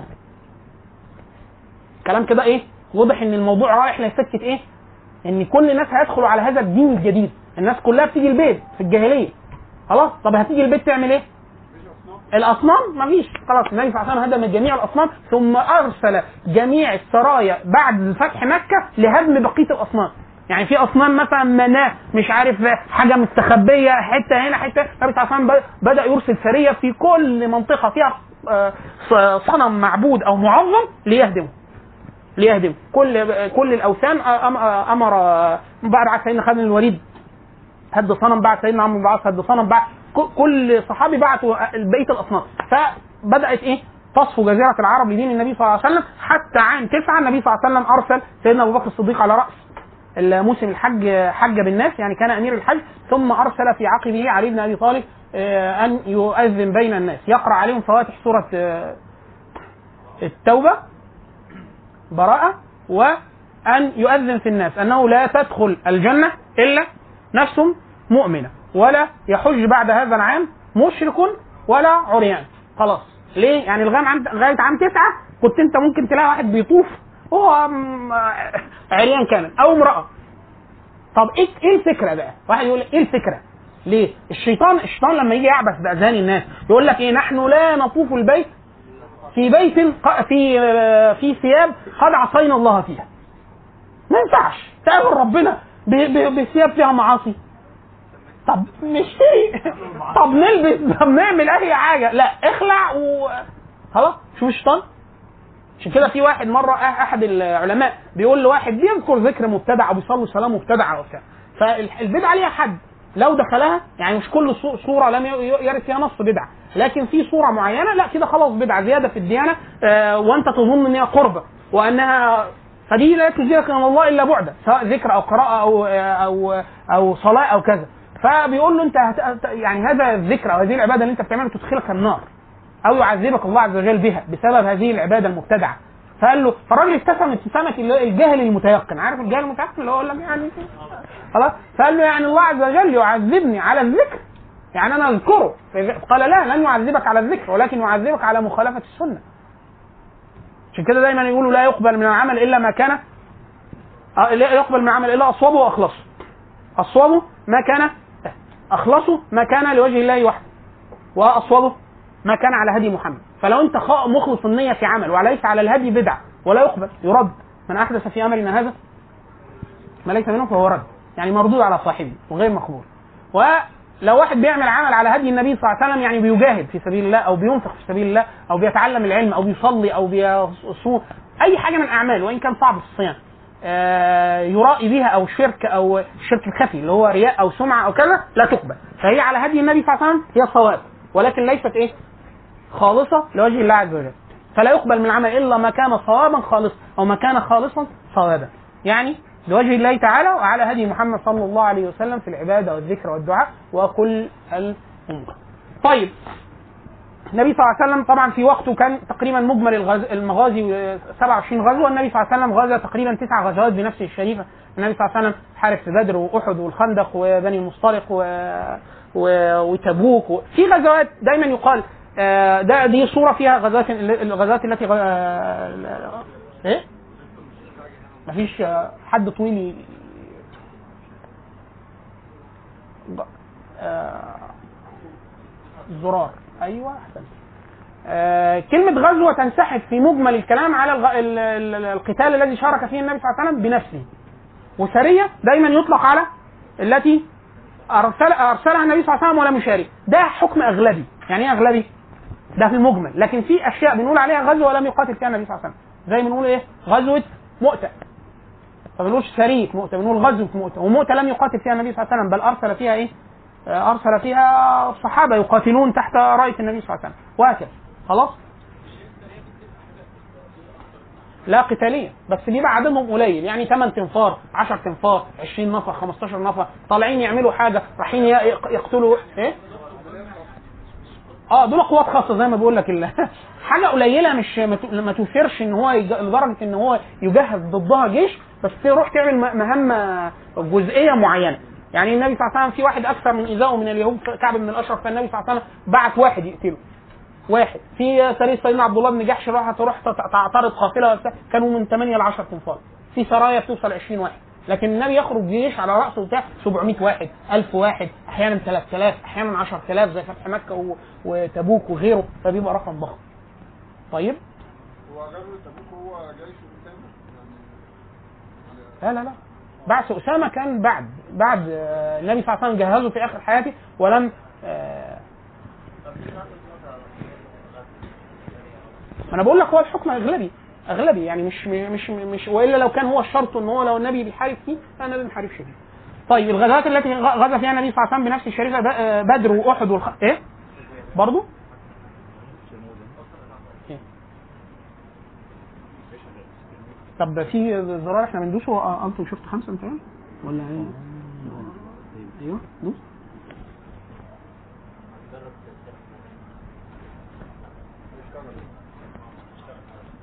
طيب الغزوات غزوة بدر غزوة أحد غزوة الخندق غزوة بني قريظة بني المصطلق خيبر فتح مكة حنين الطائف. دي اللي شارك فيها النبي صلى الله عليه وسلم بنفسه. طيب النبي صلى الله عليه وسلم بعد بعد فتح وفو- وفدت الوفود على النبي صلى الله عليه وسلم كده يكاد يكون استقر للعرب أن هذا النبي صلى الله عليه وسلم منصور وأنه نبي فالناس بايعت. في ناس رغب ورهب. يعني في ناس بايعت بيعة حقيقية جاي يعرف دينه ويتعلم وبتاع وفي ناس لا. الكلام ده هيبان إمتى؟ بعد ما وفاة النبي صلى الله عليه وسلم مباشرة. ليه؟ في ناس قالوا لا ما دام القدرة كده والنبي له هذا النفوذ ودخل مكة. بعد ما دخل مكة أقوى قوة ده أقرب قريبة من مكة. ولها غلبة. قبل كده كان ليها معارك كسبوها لقريش والنبي صلى الله عليه وسلم كان صغير بل شارك في المعارك مع قريش اللي هي في يوم الفجار الأكبر أو الف- الفجار الثاني. آه، اللي هم هوازن وثقيف. هوازن وثقيف كانوا بيحترموا القرشيين والناس أي حد داخل قريش يبيع ولا يشتري بيدفع فلوس إتاوة كأنها جمرك خلاص. وهم المسؤولين عن آه، سدنة البيت ومعاهم مفاتيح البيت ومعاهم سقاية موسم الحجيج والرفادة واللواء والسقاية. كل الوظائف المتعلقة بتعظيم البيت والمناسك معاهم.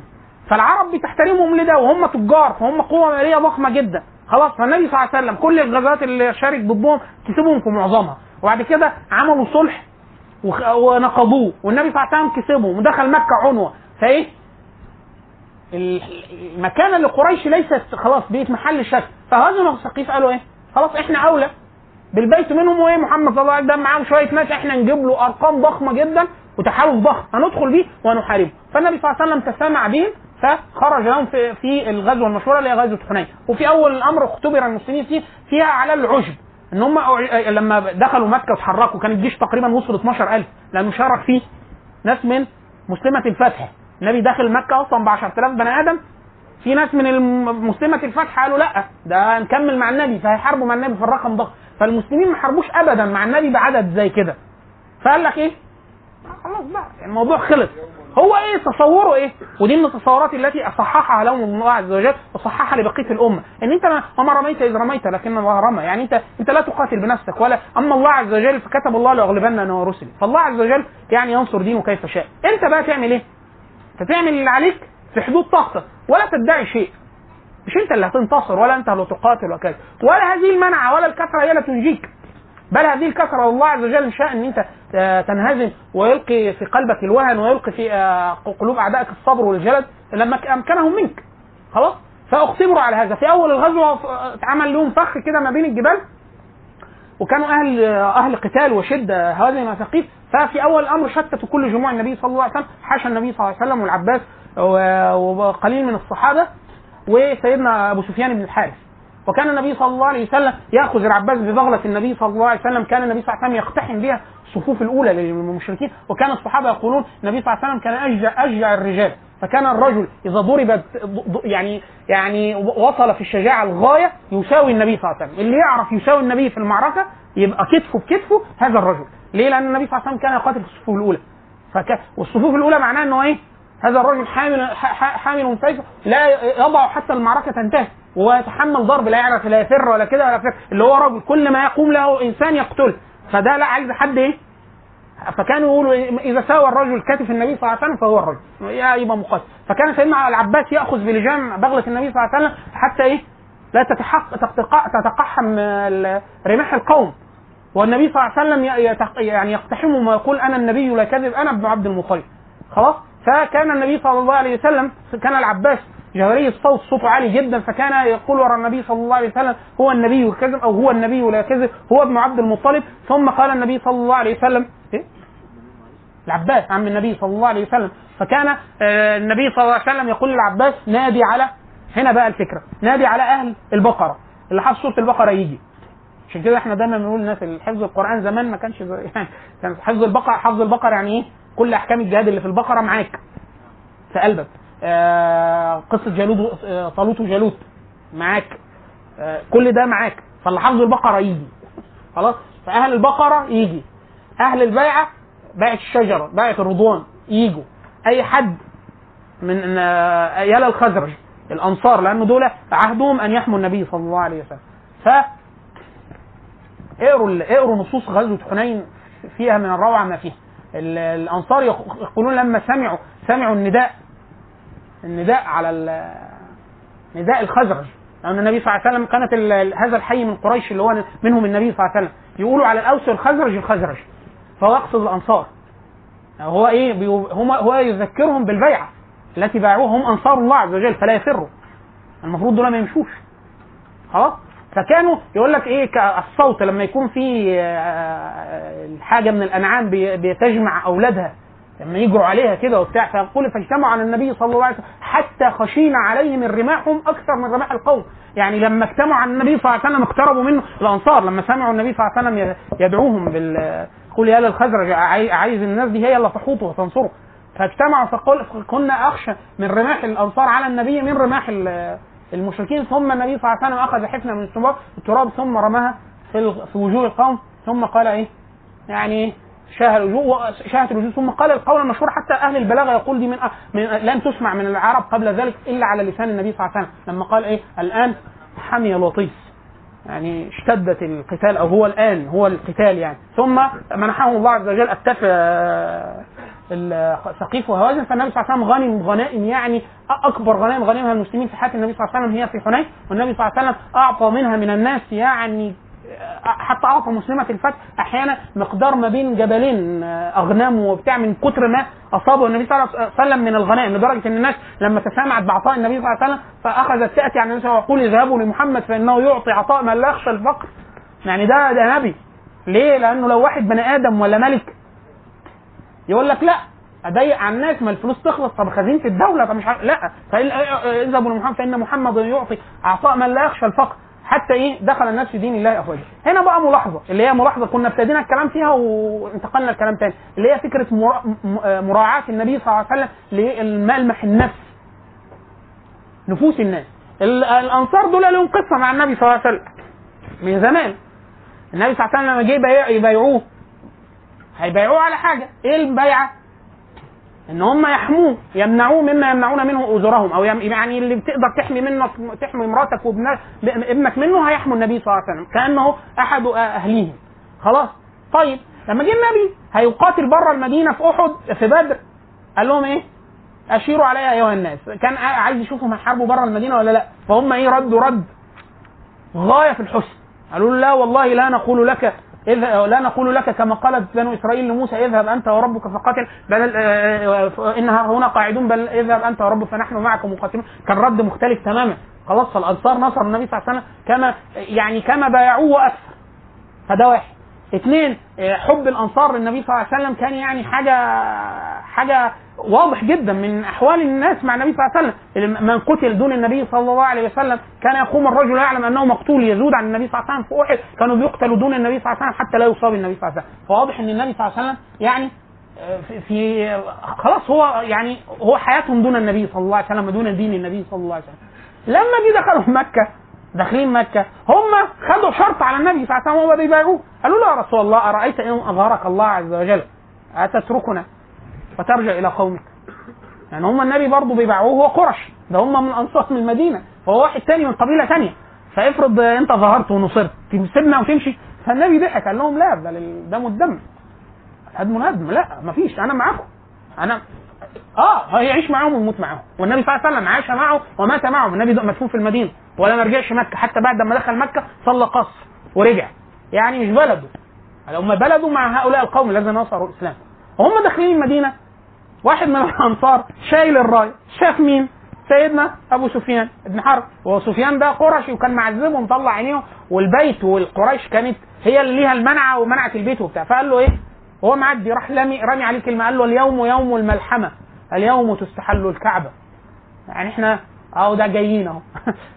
فسيدنا أبو سفيان أول ما سمع كده فقال للنبي صلى الله عليه وسلم راح له اشتكاه قال له إيه ده؟ وقريش هو إيه؟ الجانب القومي هو اللي أثاره خدوا الم- المدينة المكة مننا وقريش ده يبقى مش. فالنبي صلى الله عليه وسلم حتى لا تحدث فتنة وكذا فراح عزل وجاب ابنه مسكوا الراية خلاص فلما عملوا كده الأنصار تحدثت بينها وبين أنفسها قالوا إيه رق لقومه هو صعبان عليه آه، قرشيين عشان إحنا جبنا سير قريش يعني وهو من قريش فالكلام ده واحد يقول إيه ده؟ إيه اللي قالوه ده؟ إيه ده؟ النبي صلى الله عليه وسلم جه سيدنا جبريل قال له إيه؟ بالوحي. قال له الأنصار قالوا كذا كذا من وراك. فالنبي جاب قال لهم قلتم كذا؟ قالوا قلنا يا رسول الله. قالوا له أيوه إحنا قلنا كده. فقال فما حملكم على هذا؟ فقالوا له يعني إيه؟ ظننا برسول الله عليه والسلام. يعني هو خايفين؟ الفكرة الملحة الأكبر كابوس بالنسبة لهم إيه؟ لا يسيبهم يمشي. هو رايح لقريش هو كده داخل بلده. فهم كلهم إيه؟ الناس داخلة مكة مبسوطة إلا دول. يعني المهاجر داخل مبسوط المدني لا يمشي. لا النبي يسيبهم يمشي دي حاجة فإيه؟ فالنبي صلى الله عليه وسلم قال؟ فإن الله فقالوا له بس إحنا إيه؟ ظنا بك عليهم. يعني إحنا بس مش عايزينك تمشي. فالنبي صلى الله عليه وسلم قال وان الله ورسوله يصدقانكم ويعذرانكم. يعني إيه؟ اللي أنتوا قلتوه أنا وربنا مصدقينكم ويع- ويعذرانكم. يعني اللي أنتوا لا محمل نفسي. يعني هو. آه هو الواحد ممكن يقول كده. من العطف والحنان وبتاع. ينفع. خلاص النبي قابل منهم ده. النبي صلى الله عليه وسلم لما جه في حنين وزع الأموال. فوزع الأموال بطريقة ما خدش منها ولا واحد أنصاري جنيه. وكله وزعه في مسلمة الفتح والحديث الإسلام. فإيه؟ الناس بدأت إيه؟ تتكلم. في اثنين يتكلموا واحد أحول يعني ناس ما- دماغها ما بتفهمش وواحد حركته العاطفة. ده غير ده. مين الحمار؟ يعني مين الأحول اللي كان الخ... اللي هو رأس الخارج؟ جه أبو. ذو الخيسره التميمي جه للنبي صلى الله عليه وسلم. وشه زي مثل كعب زي ركب العنز من أثر السيول يعني راجل دين وبتاع فقال لي النبي صلى الله عليه وسلم قال له إيه؟ قال له اعدل يا محمد فإنها قسمة لم يرد بها وجه الله. يعني اللي انت بتعمله ده غلط وانت قسمت اسم ما فيهاش عدل. والاسمة دي فيها بطل وبتاع وانت اديتها. خلاص قال للنبي كده فالنبي صلى الله عليه وسلم غضب وقال من يعدل إن لم أعدل وأنا أمين من في السماء. خلاص ثم قام له واحد من الصحابة فقال يا رسول الله دعني أضرب عنق هذا المنا- الم- المنافق. فقال دعه فإنه يصلي. فقال يعني فكم من مصلي. يعني في ناس كتير بتصلي وقد يكون منافق وبتاع فقال إني قد نهيت. المقاتل المصلي المسلم الصلاة أشهد أن لا إله إلا الله والصلاة دي بتمنع المال والدم. فقال له هو طب ممكن يكون منافق من جوه. فالنبي صلى الله عليه وسلم قال أنا لم اؤمر بأن أشق على صدور الناس. خلاص؟ فده اللي قاله ده ده خلل إدراكي مهول. مهول. مهول. ليه؟ ده مش متصور هو بيتكلم مين. يعني ده النبي اللي انت بتكلمه اللي انت بتقول له العدل وبتاع ومش عارف إيه. انت جاي إيه؟ يعني انت بتعلم النبي ال- ال- ال- اللي, اللي أوحي إليه الديانة وبتاع. الأنصار قالوا كلام شبه ده. بس دافع نفسه. بعض شباب الأنصار أول ما النبي صلى الله عليه وسلم وزع الأموال فقالوا إيه؟ لاقى قومه. يعني بص بص عمل إيه؟ إدى الإيه؟ إدى الفلوس. فجه سيدنا سعد بن معاذ وهو من سادة الأنصار فقال للنبي صلى الله عليه وسلم قال له يعني قد تحدث الناس بأنك إيه؟ قد أعطيت قومك ويعني الأنصار وكذا ونحن لم تجف آه، سيوفنا من دمائهم. إحنا لسه فاتحين مكة دلوقتي ما تنساش برضه. يعني هم كانوا كفار وإحنا محاصرينهم وبتاع. ودول اللي, اللي أنت أسلموا ولسه مسلمة الفتح دول حاربوا معانا في حنين. خدوا الفلوس كلها وخدوا غنائم ضخمة جدا. طب الناس دي ما خدتش ولا حاجة منها. فالنبي صلى الله عليه وسلم قال له وأين أنت؟ أنت بقى شايف إيه؟ فقال هل أنا إلا رجل من قومي؟ يعني أنا برضه أنا شايف نفس الكلام. يعني بص اللي هو أنا ما أنا شايف نفسي شايفين أنت حطيت كل الفلوس في قومك. فالنبي صلى الله عليه وسلم قال له اجمع لي الأنصار ولا تدخل عليه أحدا من غيرهم. يعني يجيب الأنصار بس. ولم يسمح بالدخول إلا لأناس من مه... من شيوخ المهاجرين. لا شيوخ المهاجرين في بعض الناس دخلوا في الشيوخ المهاجرين. ولكن صفي له الأنصار. لكن في ناس دي في دايما دايما يقال كده شيوخ المهاجرين. يعني في ناس من بس لم يسموا. لكن في ناس ادخل في ناس مهاجري وكذا ولم لم يدخل. ثم فلما اجتمع له الناس فالنبي صلى الله عليه وسلم قال فيهم خطيء قام فيهم خطيب فحمد الله أثنى عليه. ثم قال ألم اتيكم ضلالا؟ فهداكم الله به. ألم اتيكم فقعد يذكرهم بأن أنتم كنتم متقاتلين وأنا جيت وحدت منكم وأنتم كنتم كفار وأنا جيت. فقال ألا تجيبوني؟ مش تردوا عليا فقالوا وبما يجيبك؟ يعني الله الله ورسوله أمن. يعني أنتم فعلا ده اللي حصل. فقال فقال إن شئتم أن لقلتم وصدقتم وصدقتم إيه؟ يقولوا إيه؟ جئتنا شريدا فآويناك. ويعني يقولوا له اللي إحنا عملناه معاك بقى. مش أنت جيت مش كنت عارف تبلغ إحنا ألم ألم نحميك بسيوفنا؟ ألم ننصرك؟ ألم نقاتل؟ ألم ن- آه، نهدف آه، آه، لاعناق آه، لرقابنا من دون العرب وكذا من دونك؟ وهكذا كان يقدر يقولوا له كده. فقال لهم لو أنتوا قلتوا كده هتبقوا صادقين. قال يعني إيه؟ قال ألا يرضيكم أن يرجع الناس بالشاة والبعير إلى آه، رحالهم وتعودون برسول الله صلى الله عليه وسلم. يعني هؤلاء الناس يعني النبي صلى الله عليه وسلم يتلطف قلوبهم بشيء من الدنيا. يعني إيه اللي بيديه لهم ولا حاجة دي حاجة اشياء ما يرضي ووكلتكم إلى إيمانكم. يعني النبي صلى الله عليه وسلم ضامن أن أن هؤلاء الناس قد لم يبايعوا على الدنيا بايعوا على الجنة. فإن أعطاهم كان بها وإن لم يعطيهم فهم لديهم من الإيمان. يعني النبي صلى الله عليه وسلم راهن على الإيمان في في قلوبهم. ولكن أعطى هؤلاء يتألف. الهدى من فهم المؤلفه المؤلفة قلوبهم. يعني هو بيتألف قلوبهم للإسلام. أما هؤلاء فمن الإيمان ومن رسوخ الإيمان ده حاجة. اثنين الناس دي هترجع بإيه؟ هياخد شوية فلوس وبيرجع. أما أنتم فستعودون برسول الله إلى رحالكم. يعني أنا دي مش مش دي بلدي؟ مش دي بلدي؟ بعد أنا ما الم- الغنائم هعمل إيه؟ هيرجع إلى المدينة. ما هو قد فعل. يعني هيسيب مكة ويرجع معاكم. فلا ترضون أن يرجع الناس بالشاة والبعير وترجعون برسول الله صلى الله عليه وسلم إلى حال قال حتى بكى القوم فاخضلوا لحاهم يعني بكوا لغاية ما إيه؟ بلوا بلوا. واللحى زمان كانت لحى مش لا لا لحية يعني حاجة ضخمة. ف ف النبي صلى الله عليه وسلم قال والله لولا الهجرة لكنت امرئا من امرؤ من الأنصار. آه، والله لو سلك الناس آه، شعبا وسلك الأنصار شعبا لسلكت شعب الأنصار. اللهم ارضى عن الأنصار وأبناء الأنصار حتى قعد النبي صلى الله عليه وسلم دعا لهم حتى يعني بكى الناس واخضروا لحاهم ثم قاموا يعني إيه تبين وجهة النبي صلى الله عليه وسلم. كده الكلام يقولوا خلاص يبقى كده الناس فهمت بس النبي تفهم إيه؟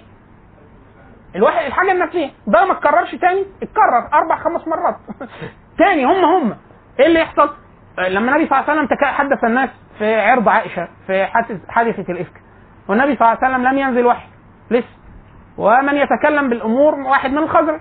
فالنبي صلى الله عليه وسلم قام قام خطيبا في الناس فقال ما بال الناس يذكرون يعني رجل من أصحابي لم أعلم عليه إلا خير ويذكرون أحد من يعني بيذكروا زوجته وهي لم يعلم عليها إلا الخير والصحابي اللي اتهموه في عائشة لم يعلم عليه إلا الخير وكذا فقام واحد من الأوس فقال له إيه؟ قال له يا رسول الله سميه نقتله اللي مضايقك قوله اسمه نقتله فالراجل الثاني فهم إيه؟ إن هو بي... بي... هيقتله عشان من خزر عشان من قوم قوم مش من قوم فقام له قال له لا والله لا تقتل لا, تق... لا تقتله ولا تقدر على قتله ولا تقدر تيجي تعمل له حاجة. قال له لا والله لنقتلنه وإنك لمنافق تجادل عن المنافقين. يلا خد بقى. الكلام ده قدام النبي صلى الله عليه وسلم في في في مسجد النبي صلى الله عليه وسلم. فنزل النبي صلى الله عليه وسلم من على المنبر فسكن فسكن سكن حتى سكنوا خلاص. طب الراجل هي السيدة عائشة هي اللي بتروي الحديث ده. والراجل ده تكلم يعني الراجل اللي قام يحامي عن عرض الذي تحدث واحد تحدث في عرض عائشة. الراجل ده قام يحامي عنه. المفروض عائشة تقول إيه؟ المفروض تقول دي كلام سيء لكن هي متفهمة الذي تفهمه الناس. فقالت وكان رجل صالح. يعني إيه؟ حملته الحمية حمية الجاهلية. يعني هو استخفه بس إيه؟ غضته الخط مش تقول ده راجل كان بيكره النبي صلى الله عليه وسلم وخطف عرض مراته وبتاع. لا هو الراجل لم يقوم طبعا. آه، شكا في عرض عائشة ولا لا مش منافق ولا حاجة. ده هو الراجل إيه؟ غضبة لقومه. غضبة لقومه بس مش أكتر. بس مش أكتر من كده. والنبي صلى الله عليه وسلم تفهمه السيدة عائشة تفهمته. خلاص؟ لا لا لا لا لا هي لا ده الاثنين وإن هو إن هو عموم يقتل واحد مش من ابن ابن عبد ابن عبد الله بن أبي بن سلول. طب يا أخي ما أنا كده كده أنا هقتله أو غيري يقتله المهم أي حد يقتله. لا ما يقتلوش واحد تاني من قوم تانيين. آه، هن- هنعير بيه هنعير بيه. ابن عبد الله بن أبي بن سلول لما النبي جه قال له قال له شفت أبوك بيقول إيه؟ قال له إيه ماذا يقول؟ قال آه، لو عدنا إلى المدينة ليخرجن الأعز منها الأذل فقال صدق وأنت الأعز وهو الأذل. ودي قفلوا على المدينة على باب المدينة وقال لا والله لا تدخل حتى يأذن رسول الله صلى الله عليه وسلم حتى اذن النبي صلى الله عليه وسلم. فالنبي صلى الله عليه وسلم ابن ابن عبد الله بن أبي سلول اللي هو الم- المؤمن راح أبوه منافق راح للنبي قال له يا رسول الله. يعني انت لو هتقتل عبد الله بن أبي بن سلول هتقتله. فلا إيه؟ فلا تترك أحد يقتله. أنا أقتله. يعني أنا أقتل أبويا بس ما حدش يقتله. إيه ده؟ ليه؟ قال حتى لا أرى قتل عبد الله يمشي بي- بين الناس. ما هو أنا ممكن يستخفني الشيطان. الراجل ده اللي قتل أبوه وأنا عارف إن هو قتل أبوه ويمشي بينا. وأبوه كان سيد قوم بل كان يبايع يعني يلبس تاج يراس المدينة قبل دخول النبي صلى الله عليه وسلم المدينة. فالشيطان هيستغله فهقتله فما تخليش كده بحيث أنا لو قتلته يبقى أنا اللي قتلته. فهي دي اللي أنت بتقوله صح وفكرة إن هو إيه؟ ما يبقاش حد ثاني اللي قتله. خلاص؟ فالسيده عائشة برضه تفهمت فكرة إيه؟ الفكرة فكرة النفسية. عشان كده إحنا بنقول إيه؟ النبي صلى الله عليه وسلم. فكرة إيه من النفس كمان تاني؟ الجهل والحمق. يدخل في الأعذار النفسية. مش دايما نقول الحماقة؟ من عوارض الاهليه واحد أحمق واحد أعرابي. جه للنبي صلى الله عليه وسلم. سأله قال له يعني إحنا الوضع صعب وبتاع يبدو انه عايز فلوس. فالنبي صلى الله عليه وسلم أعطاه مال. دخل معاه اداله فلوس وطلعوا. قال له إيه؟ هل ترانا وفيناك أو أعطيناك؟ قال لا والله ما وفيت ولا أجملت. يكذب النبي أنا لسه مديك فلوس جوه. أقول له لا أنت ما عملتش ولا معروف ولا شفناش حاجة من عندكم. الصحابة قاموا حتى كادوا يفتكون بالرجل. النبي صلى الله عليه وسلم قال خلوا خلوا الرجل. سيبوه سابوه. دخل بيه تاني. قال له أنا مش لسه مديك وقال له مصر الحاجة قليلة وأنا مش عارف إيه. أحمق. فالنبي صلى الله عليه وسلم إيه؟ أعطاه فيعني أجزل له عطاء وبعد كده هل ترى هل ترانا أكرمناك؟ قال نعم. قال فإن أصحابي قد وجدوا عليك فإذا خرجنا. انا إحنا هنرجع وأسألك نفس السؤال تاني. نجاوب اجابه عجله عشان هم لو هيفتكوا بيه. فطلع قال له هل ترانا اكرمناك قال يا رسول الله نعم الأخ الوجه واسمع عن النبي وقال له وديتنا وكرمتنا وربنا يبارك فيك وكريم وابن كرم. ومش وراح ماشي فالنبي صلى الله عليه تتبع الرجل ببصره حتى غاب فقال مثلي ومثل الرجل. كرجل يعني إيه؟ قامت ناقته. واحد معاه ناقة وقامت وهاجت وبتجري وبتاع. كل الناس عايزة تمسكها تكتفها فهو قال لهم إيه؟ خلوا بيني وبين ناقتي. سيبوها. كده هيقعدوا كل ما يصيروا وراها. تروح كده وتروح كده وترفص وتأذي الناس فراح قطع شوية حشيش من الأرض وقعد يقول لها الناس ما مسكها وراح رابطها وبتاع. فقال أنا أيوه لو تركتكم وما أردتم الهلك. يعني لو مسكوه ضربوه قتلوه. هيهلك لأنه لسه قايل حاجة مخرجة من الملة دلوقتي مكذب النبي وهو بشوية. لكن النبي إيه؟ خد في اعتباره إيه؟ الحماقة. الراجل الأعرابي اللي النبي معدي لما سمع إن النبي إدى فلوس كثيره جدا النبي ماشي وما لابس آه، رداء.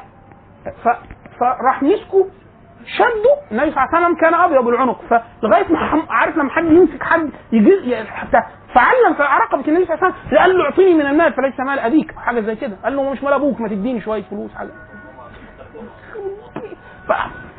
خدوا اداله فلوس. اللي هو يعني إيه؟ الثاني ده كان بيختبر النبي صلى الله عليه وسلم ودي من صفات النبوة اللي هي فكرة إيه؟ إن تقبل الناس للدافع النفسي، واحد من اليهود من احبار اليهود كان تعقب علامات النبي صلى الله عليه وسلم علامات النبوة، فوجد معظم آيات النبوة اللي موجودة في الكتب القديمة ان هو هو النبي. وليه خصله واحدة لم يختبرها في النبي صلى الله عليه وسلم، اللي هو أن النبي صلى الله عليه وسلم يحلم إذا جهل عليه، لو واحد اعتدى عليه شا- سب وشتم وظلم فالنبي يحلم عليه، وإذا ازداد في الجهل ازداد في الحلم. لو الثاني قدامه زود في الجهل النبي صلى الله عليه وسلم يزداد في الحلم. فاليهودي ده جه حضر مجلس النبي صلى الله عليه وسلم في المدينة فجه واحد قال للنبي صلى الله عليه وسلم أنا عليا نفقة وبتاع خلي حد يساعدني وأنا وأنت تضمني إن أنا اسدد فأنا قال للنبي قال ماشي أنا أضمن. فقال اليهودي قال أنا أديله. عايز إيه؟ قال له عايز 80 وسخ من تمر. 80 وسخ من تمر مكيال يعني. فاداله 80 وقال له ترجعهم إمتى؟ يوم كذا. فجاله قبل الميعاد بيوم أو يومين. لسه المال لم يستوفي يعني مفيش فجاء النبي صلى الله عليه وسلم راح إيه؟ في المجلس. مجلس النبي والصحابة قاعدين وعمر قاعد وراح إيه؟ مسكه من هدومه. فقال له ادي ما عليك يا محمد فما عدناكم ال عبد المطلب إلا مطلق. يعني أنت وأهلك ال عبد المطلب.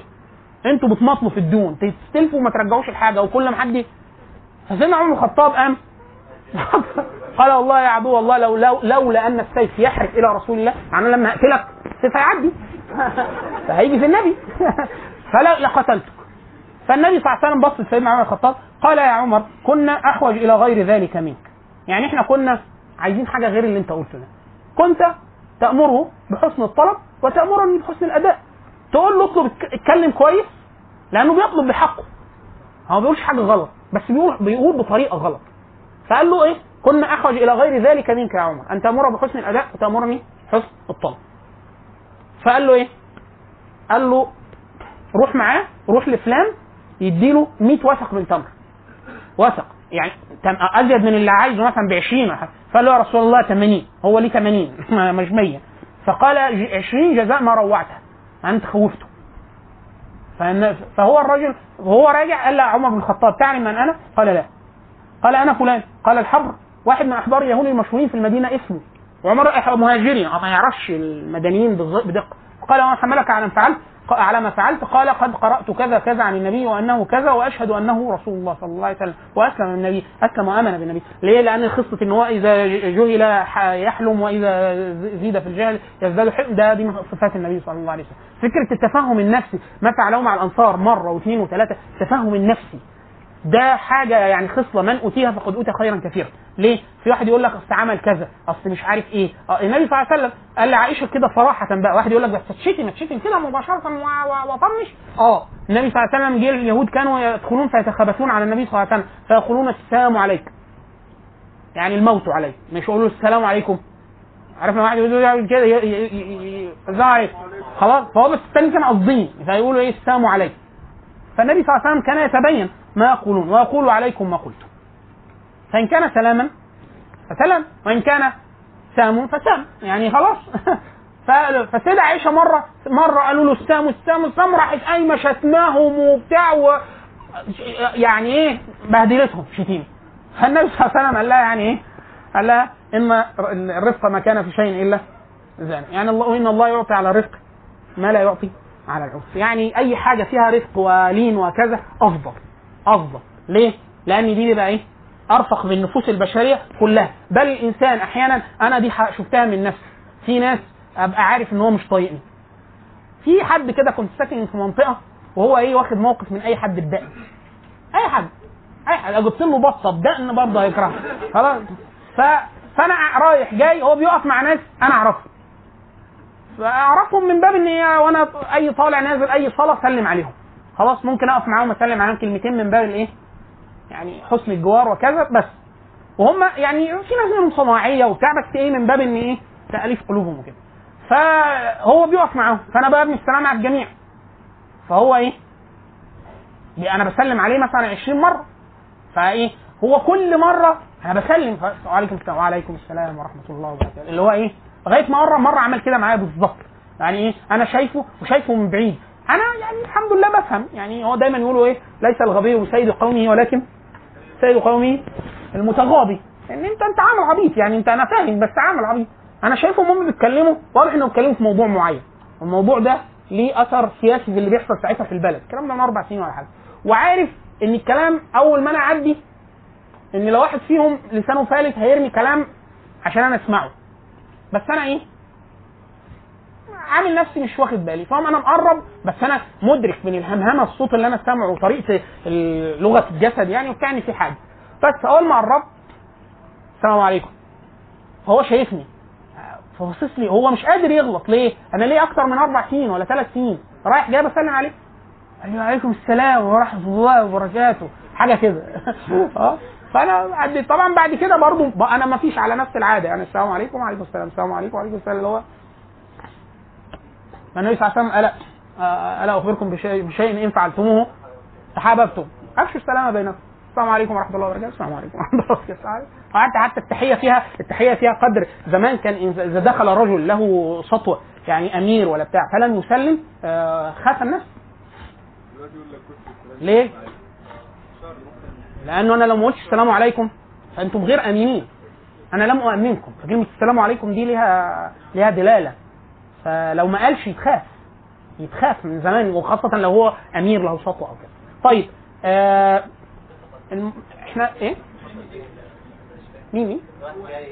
لما بقول لك ما قدرش. يعني هو أقصى حاجة هو من جواه هيفرقع. هيفرقع من غيره بس مش قادر. ليه؟ بسبب كتر السلام لدرجة إن هو حاسس بلود نفسي يعني ضخم جدا إن هو إيه؟